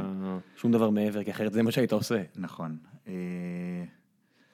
כן, אני חושב שכן, קשה לנבא, אני חושב שכל הנושא של, למשל יש לאחרונה הרבה מחקרים שמסתכלים על כל נושא הצום, וכל הנושא של תזמון של ארוחות. אינטרמידיאט פסטינג וכל הדברים האלה. ונכון, זה נושא בפני עצמו, לא נדבר עליו היום, אבל זה יכול מאוד להיות שכל הנושא של, אה, של תזמון של ארוחות, חשיבות של שינה, כל דברים שהם מסביב באורח החיים שלנו, יכול להיות שגם עליהם אנחנו נסתכל הרבה יותר, אבל אה, מאוד מאוד. מאוד מאוד, זה, זה, בגלל זה זה כל כך מעניין. כן. טוב, אז אה, לפני שנסיים, אני משאיר פה את הבמה לך, לקדם כל דבר שחשוב לך, אה, אם בא לך להמליץ על אה, ספרים, סרטים, לא חייב להיות קשור לנושא הסוכר, כל מה שבא לך זה הבמה, אין לנו רגולציה, תעשה מה שאתה רוצה בדקות האלה. דברים שראית לאחרונה, כל דבר שבא לך, הבמה שלך מהבחינה הזו.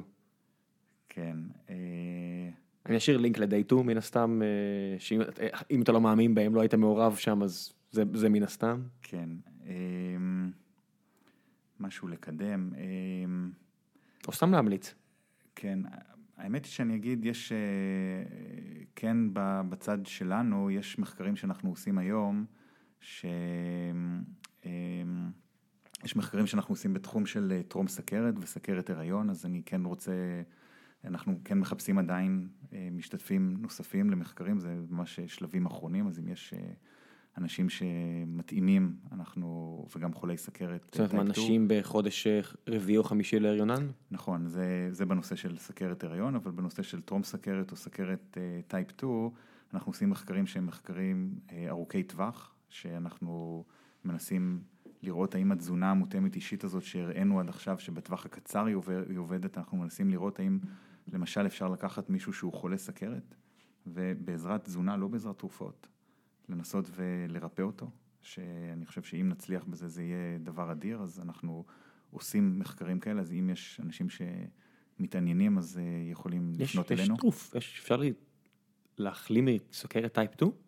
בהח- אני חושב שכן, את, כן. אתה יודע שכן? אני גם יודע שכן. הייתי בטוח שזו מחלה זה- שתגבור אותך, מה שנקרא, אה, אז, לא, אני בצורה חושב ש- כזו או אחרת. אז, אז יש הרבה שיגידו שלא, למשל, ניתוחים אה, בריאטריים, זה ניתוחים שבהרבה מאוד מקרים הם מרפאים סכרת. אנשים שהיו סכרתיים לפני ניתוח בריאטרי, מה זה ניתוח בריאטרי? ניתוח אה, של, ניתוח של, של אה, קיצ, קיצור קיבה.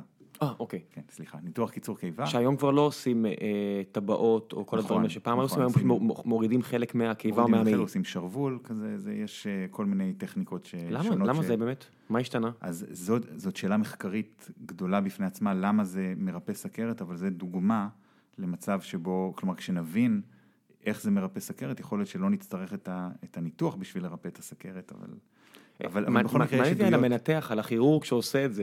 מה, הוא פשוט טכנאי, הוא פשוט עושה את זה כי אמרו לו, כי ראינו איזושהי קורלציה, אז בואו נלך על זה. כן, כמו הרבה דברים ברפואה, רפואה, ואני אומר את זה דווקא בצד החיובי, רפואה זה מדע שהוא בהרבה מקרים הוא מאוד אמפירי. כלומר, אנחנו כאוכלוסייה, לאורך אה, הרבה הרבה הרבה מאוד שנים, אנחנו פשוט ראינו, רואים מה עובד. והולכים עם זה, ו, ו, ו, וככה כל פעם עושים שינויים קטנים כדי לנסות לשפר, אתה זז ימינה, אתה רואה שזה משפר, אז אתה הולך ימינה. אתה לא שואל שאלה, אתה עושה. אתה, אתה, תמיד אתה שואל שאלה, אתה גם, כמובן. אתה גם מנסה לשאול, אבל אתה, כן. אבל אתה גם מאוד מתבסס על פשוט מה שעובד, כי הרבה פעמים התיאוריות שלנו הן יפות, אבל הן לא נכונות, ומה שעובד בפרקטיקה זה, זה, זה משהו... כן, אולי זה מה שאם אם תשובה לעוד 50 שנה, אולי בעצם אה, כל השיחות האלה על מה עובד ומה לא עובד, ילכו מהעולם ונשאר רק עם מה עובד לאנשים ספציפיים. אה, אני בהחלט חושב, נכון, אם, אם שאלת, אתה יודע מה, אני כן אגיד, אם, אם שאלת מה, מה ישתנה בעתיד, אם אני צריך לנבא, אז ככל שאנחנו חוקרים יותר, אני חושב שמה שישתנה זה שאנחנו נצליח להתאים באופן אישי הרבה יותר, אה, הכל, לא, תזונה בוודאי, אבל תזונה ותרופות, ו... כי אנחנו כולנו אנשים שונים עם, עם חיידקים שונים, עם גנטיקה שונה, עם סביבה שונה, ו...